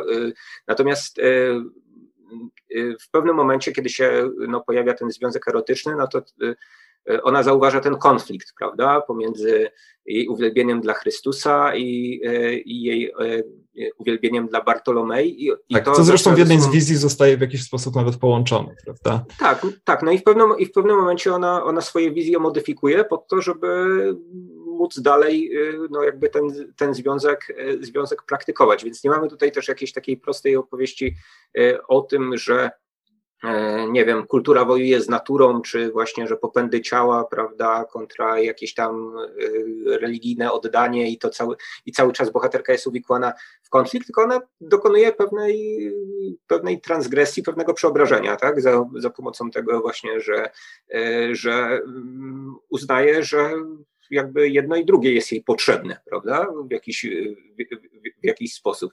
I potem te wszystkie jej właśnie wizje, czy wszystkie jej jakieś takie manipulanstwa no, idą, idą w, już w taką stronę znowu, która jest gdzieś podporządkowana jej, jej tożsamości właśnie homoseksualnej, prawda, a z drugiej strony a z drugiej strony jednak no, używa tego do celów jak najbardziej politycznych, tak, o, których, o czym wcześniej, wcześniej wspominaliśmy. Więc, ta, więc to znowu gdzieś by ją łączyło na przykład z, z, z bohaterką Sharon Stone, prawda? Z, mhm. z nagiego instynktu, którym no właśnie mamy tam su sugestie biseksualności tej bohaterki, albo być może właśnie też homoseksualności, która tak naprawdę tak naprawdę jej związek właśnie z tym policjantem Michaela Douglasa no być może jest kwestią tylko no, zdobycia władzy albo właśnie próbą obrony w jakiś sposób tej, tej bohaterki, albo, albo być może kwestią no właśnie tego, o czym wcześniej, wcześniej mówiłem, czyli takich przepychanek damsko-męskich pod względem mhm. relacji, relacji władzy, że no bohaterki, bohaterki Verhovena uzyskują świadomość często poprzez, poprzez przemoc, poprzez przemoc najczęściej ze strony mężczyzn doświadczoną, a potem, a potem nawet no, jest to swego rodzaju jednak mimo wszystko kino zemsty, ale nie taki zemsty wprost, tylko zemsty poprzez no, pewnego rodzaju wyrachowaną grę, przez pewnego rodzaju właśnie takie, takie, takie zagrywki, które są które, y, no, które sprawiają, że, że bohaterka się może utrzymać w tym środowisku, ale jednocześnie, jednocześnie posiadać władzę y, nad mężczyznami i resztą, resztą otoczenia. Więc wydaje mi się, że ten film wciąż jest taki właśnie y, świeżym werchowenowskim wbiciem gwoździa tutaj w, w, w, takie, w takie jednak prost, proste dyskursy, w których, w których się dzisiaj obracamy, w których właśnie mamy tak, ten woman, e, e, women empowerment, ale w taki, w taki prosty sposób przez Hollywood przedstawiany jako, e, jako kalka swego rodzaju męskiego bohaterstwa. No, a z Co jest strony... dla mnie dużym problemem często, tak, mm. ponieważ trochę liczę, że w tym przełomie feministycznym odrzucimy właśnie błędne męskie drogi, a tymczasem po prostu zmieniamy płeć, a często bohaterka dokonuje takiej samej masakry, jakiej mógł dokonać mężczyzna karabinem maszynowym na przykład. No właśnie, no właśnie, więc, więc, więc Verhoeven no, wydaje mi się gdzieś tam dużo inteligentniejszym reżyserem pod tym względem niż, y, niż na pierwszy rzut oka jego filmy się, się, się zdają. I wydaje mi się, że y, tak jak y, muszę sobie powtórzyć też parę seansów mhm. jego wczesnych filmów, które widziałem bardzo dawno temu. Też nie widziałem wszystkich jego holenderskich filmów ale y, na, na, przykład taki film Ciało i Krew, który jest osadzony mnie, y, mniej więcej w tej samej epoce, y, prawda, film Flesh and Blood, który jest jakimś takim krokiem w kierunku, w kierunku Hollywood Verhovena. Tak, tam jakiś Rutger Hauer? Jego, to, to tak, z jego ulubionym reżys, aktorem, przepraszam, Rutgerem Hauerem. Ale tak, jakiś Rutger Hauer, o, przepraszam, przepraszam tutaj wznoszę przeprosiny do niebios, to jeden przecież z najwybitniejszych aktorów w historii. Z, z drugiej strony Jennifer Jason Lee i, i, i, obietnica jakiegoś takiego kostiumowego widowiska, no ale dzieją się tam y, rzeczy, no, tak jak je zapamiętałem przynajmniej moim nastoletnim umysłem, więc może pamiętam je w taki sposób jak Paul Thomas Anderson. Właśnie, właśnie. Tak, lata 70. Tak, no to dzieją się tam rzeczy, o które znowu, no raczej, raczej niewielu by się pokusiło żeby tak, w taki sposób przedstawiać film historyczny na, na ekranie. Więc no mhm. jakby y, gdzieś konkludując, to chciałem jeszcze tylko mhm. podkreślić to, że coraz częściej ostatnio się mówi o tym, że no, reżyserzy ci właśnie którzy gdzieś tam debiutowali w latach 70., no, są jakoś tam zupełnie, zupełnie wypaleni. Byłem na na przykład koszmarnym filmie Woody'ego Allena, nie wiem, czy miałeś nieprzyjemność oglądać. No, o skancelowanych reżyserów, nie, nie oglądam Woody'ego na, Allena. Naprawdę, na, naprawdę okropny jest ten film zwany hiszpańskim romansem. Z drugiej strony mamy takich reżyserów jak Steven Spielberg, który kręci nie wiadomo po co West Side tak, Story e, raz jeszcze, bo niespecjalnie aktualizuje tam, znaczy trochę tam aktualizuje rzeczy, to jest film, który się zaskakująco dobrze ogląda, bo ja bez żadnych nadziei szedłem na ten mhm. film, a jednocześnie e, gdzieś tam no tak chociażby struktura wizualna i to jak Janusz Kamiński kręci ten film, to mnie wszystko wciągnęło. No ale znowu, to jest taki Spielberg zaszyty w tym swoim bezpiecznym kokonie, prawda, takiej nostalgii za filmami, które widział e, młodym będąc. E, no tutaj mamy Verhovena, no, który, który no, jakby wciąż, e, wciąż ma jakiś pazur, wciąż ma jakiś nerw i nawet jeżeli cały czas tutaj sobie mówimy, że to jest to jest ekstrakt z że to są cały czas jego obsesje, no to jednak kręci coś, coś zupełnie innego, więc mam wielki szacunek do tego, do tego reżysera. Mam nadzieję, że to nie jest jego, jego ostatni film tylko. Nie, wydaje mi się, że, e, że już, już kręci kolejny i chyba z powrotem w Stanach, no bo Benedetta jest filmem, na którego premierę bardzo długo czekaliśmy ze względu na te wszystkie covidowe wydarzenia. E, słuchaj, no bo ja o tym, że ten film rzeczywiście jest e, niezwykle interesujący na jakichś poziomach, świadczy chociażby to, że chyba rozmawiamy o nim już dużo dłużej niż o najnowszym filmie Paula Thomasa Andersona. Ja rzeczywiście no, zgadzam się z wieloma z tych rzeczy, o których, o których mówiłeś. Być może po prostu gdzieś tam teraz doszedłem do takiego etapu w moim oglądaniu filmów, że bardzo często zastanawiam się, na ile jakaś scena jest faktycznie umotywowana E, przez czy założenia reżysera dotyczące właśnie jakiegoś spójnego przekazu, e, czy, czy, czy samą fabułę, a na ile jest rzeczywiście jakimś takim czystym gratisem, który może nie do końca, mimo że kino oczywiście powinno składać się przede wszystkim z atrakcji, e, no to może nie do końca jest na niego akurat tutaj miejsce. Ale mm, coraz teraz, teraz też, kiedy, kiedy słuchałem Ciebie, kiedy gdzieś tam w moim mózgu coś się działo, no to zaczynam się zastanawiać, czy to tak naprawdę nie jest w gruncie rzeczy najciekawiej wykorzystana erotyka we wszystkich filmach Verhovena, no bo, ponieważ do tej pory rzeczywiście ona, no oczywiście ona brała się za przeproszeniem z życia, za, z, te, z tego, że e, seks e, rządzi, a w każdym razie tak wynika z kultury popularnej, tym e, światem elit, w którym gdzieś tam bohaterki starają się mm, odnaleźć, rzeczywiście przejąć władzę i tak dalej. Elity oczywiście tutaj rozumiem bardzo luźno powiedzmy, że są to po prostu ludzie e, dobrze ustawieni, e, a tutaj rzeczywiście mamy tę erotykę, która, tak jak mówiłem w tej mojej wypowiedzi a propos Midnight Mass, która tam cały czas głęboko bulgotała, której przecież z jakiegoś powodu gdzieś tam ustawiający nam właśnie, czy też uniemożliwiający nam edukację seksualną w szkołach, przedstawiciele kleru no, no, no, cały czas się tak naprawdę spotykają. Ona, tak jak wspomniałem wcześniej, bulgocze, bulgocze, no a tutaj Verhoeven jedyne co robi, to być może po prostu otwiera studzienkę i pozwala temu wszystkiemu wypłynąć e, na wierzch.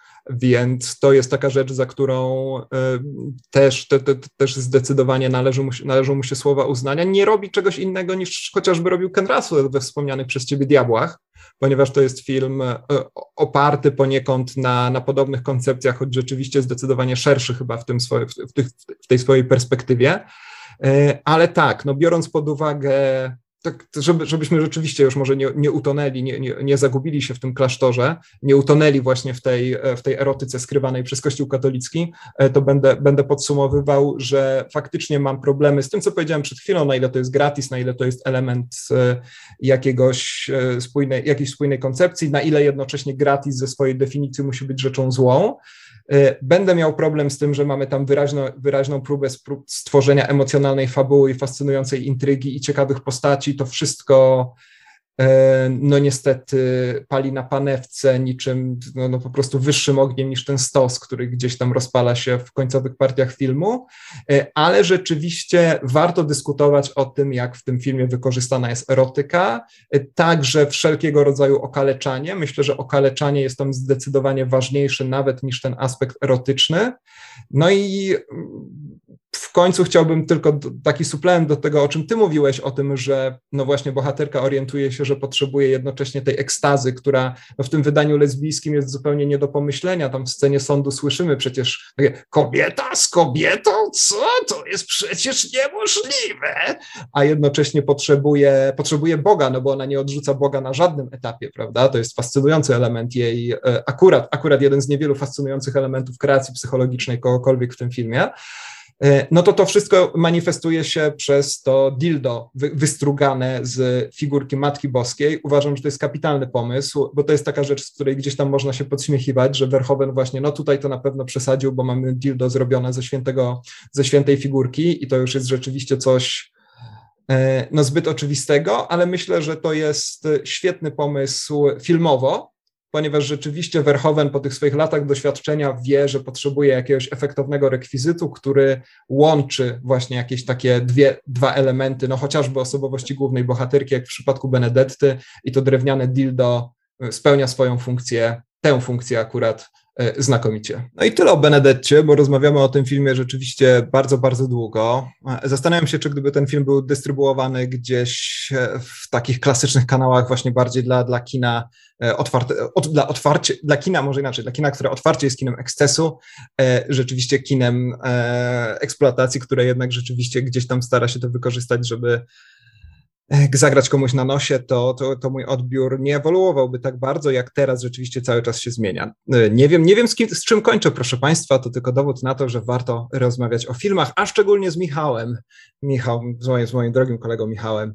E, To co, kończymy o Benedetcie, drogi kolego Michale? Kończymy na dzisiaj chyba w ogóle, jako Tak. że tutaj za ścianą mnie się rozległo jakieś e, złowieszcze pukanie, na górze jakieś e, wycie dzieci, być może to w związku z kontrowersyjnymi tematami, które Tak tutaj wydaje. poruszamy, więc, e, więc, więc żeby, żeby nie zapeszać bardziej, to myślę, że powinniśmy zakończyć to nagranie. Powiem tylko, że oba filmy jak najbardziej mają potencjał na kultowość. Nie wiem, czy się zgodzisz, tak, że zarówno jeden, jak i drugi mogą gdzieś tam e, dalej swym życiem e, żyć. I to takie filmy na kilka seansów, chyba nie tylko na jeden. Y, Jeżeli chodzi o pizzę z Lukrecją, to, czy z Lukrecji, to na pewno tak. Jeżeli chodzi o Benedettę, to wydaje mi się, że być może tak ze względu na to, że film ma jednak w miarę, w miarę powszechną dystrybucję, więc dużo osób go zobaczy, ale jednocześnie no ja, jeżeli chodzi o takie tematy, ciągle bym jednak sięgał raczej do klasyki typu właśnie e, Alucarda, Córa Ciemności, którą wam po raz e, 18 dzisiaj serdecznie polecam. No Kiedyś to były zakonnice, no dzisiaj to już. Dzisiaj nie ma zakonnic, tak. E, Pozdrawiamy wszystkie zakonnice, pozdrawiamy wszystkich zakonników również, tak samo jak pozdrawiamy wszystkie słuchaczki i słuchaczy. Mamy nadzieję, że kolejny odcinek pojawi się e, szybciej raczej niż później. Tradycyjnie mm, już od dawna nie chcemy niczego obiecywać, ale serdecznie dziękujemy za wszystkie słowa wsparcia, za wszystkie pytania o to, kiedy kolejny odcinek się pojawi. No i proszę, pojawił się, więc warto. e, wa- Tak, na razie na fali takiego wzmożenia noworocznego, prawda, postanowień noworocznych i tak dalej, ale jeżeli nie spłoniemy na stosie w najbliższym czasie, to y, pojawi się pewnie sequel, follow-up. Tak. czyli Nie wiadomo, co, co. Tak, nie wiadomo rzeczywiście, co nas spotka na ulicy po wyemitowania, e, wyemitowaniu tego odcinka. No dobra, to mm, do usłyszenia w takim razie. Sayonara, żółwie.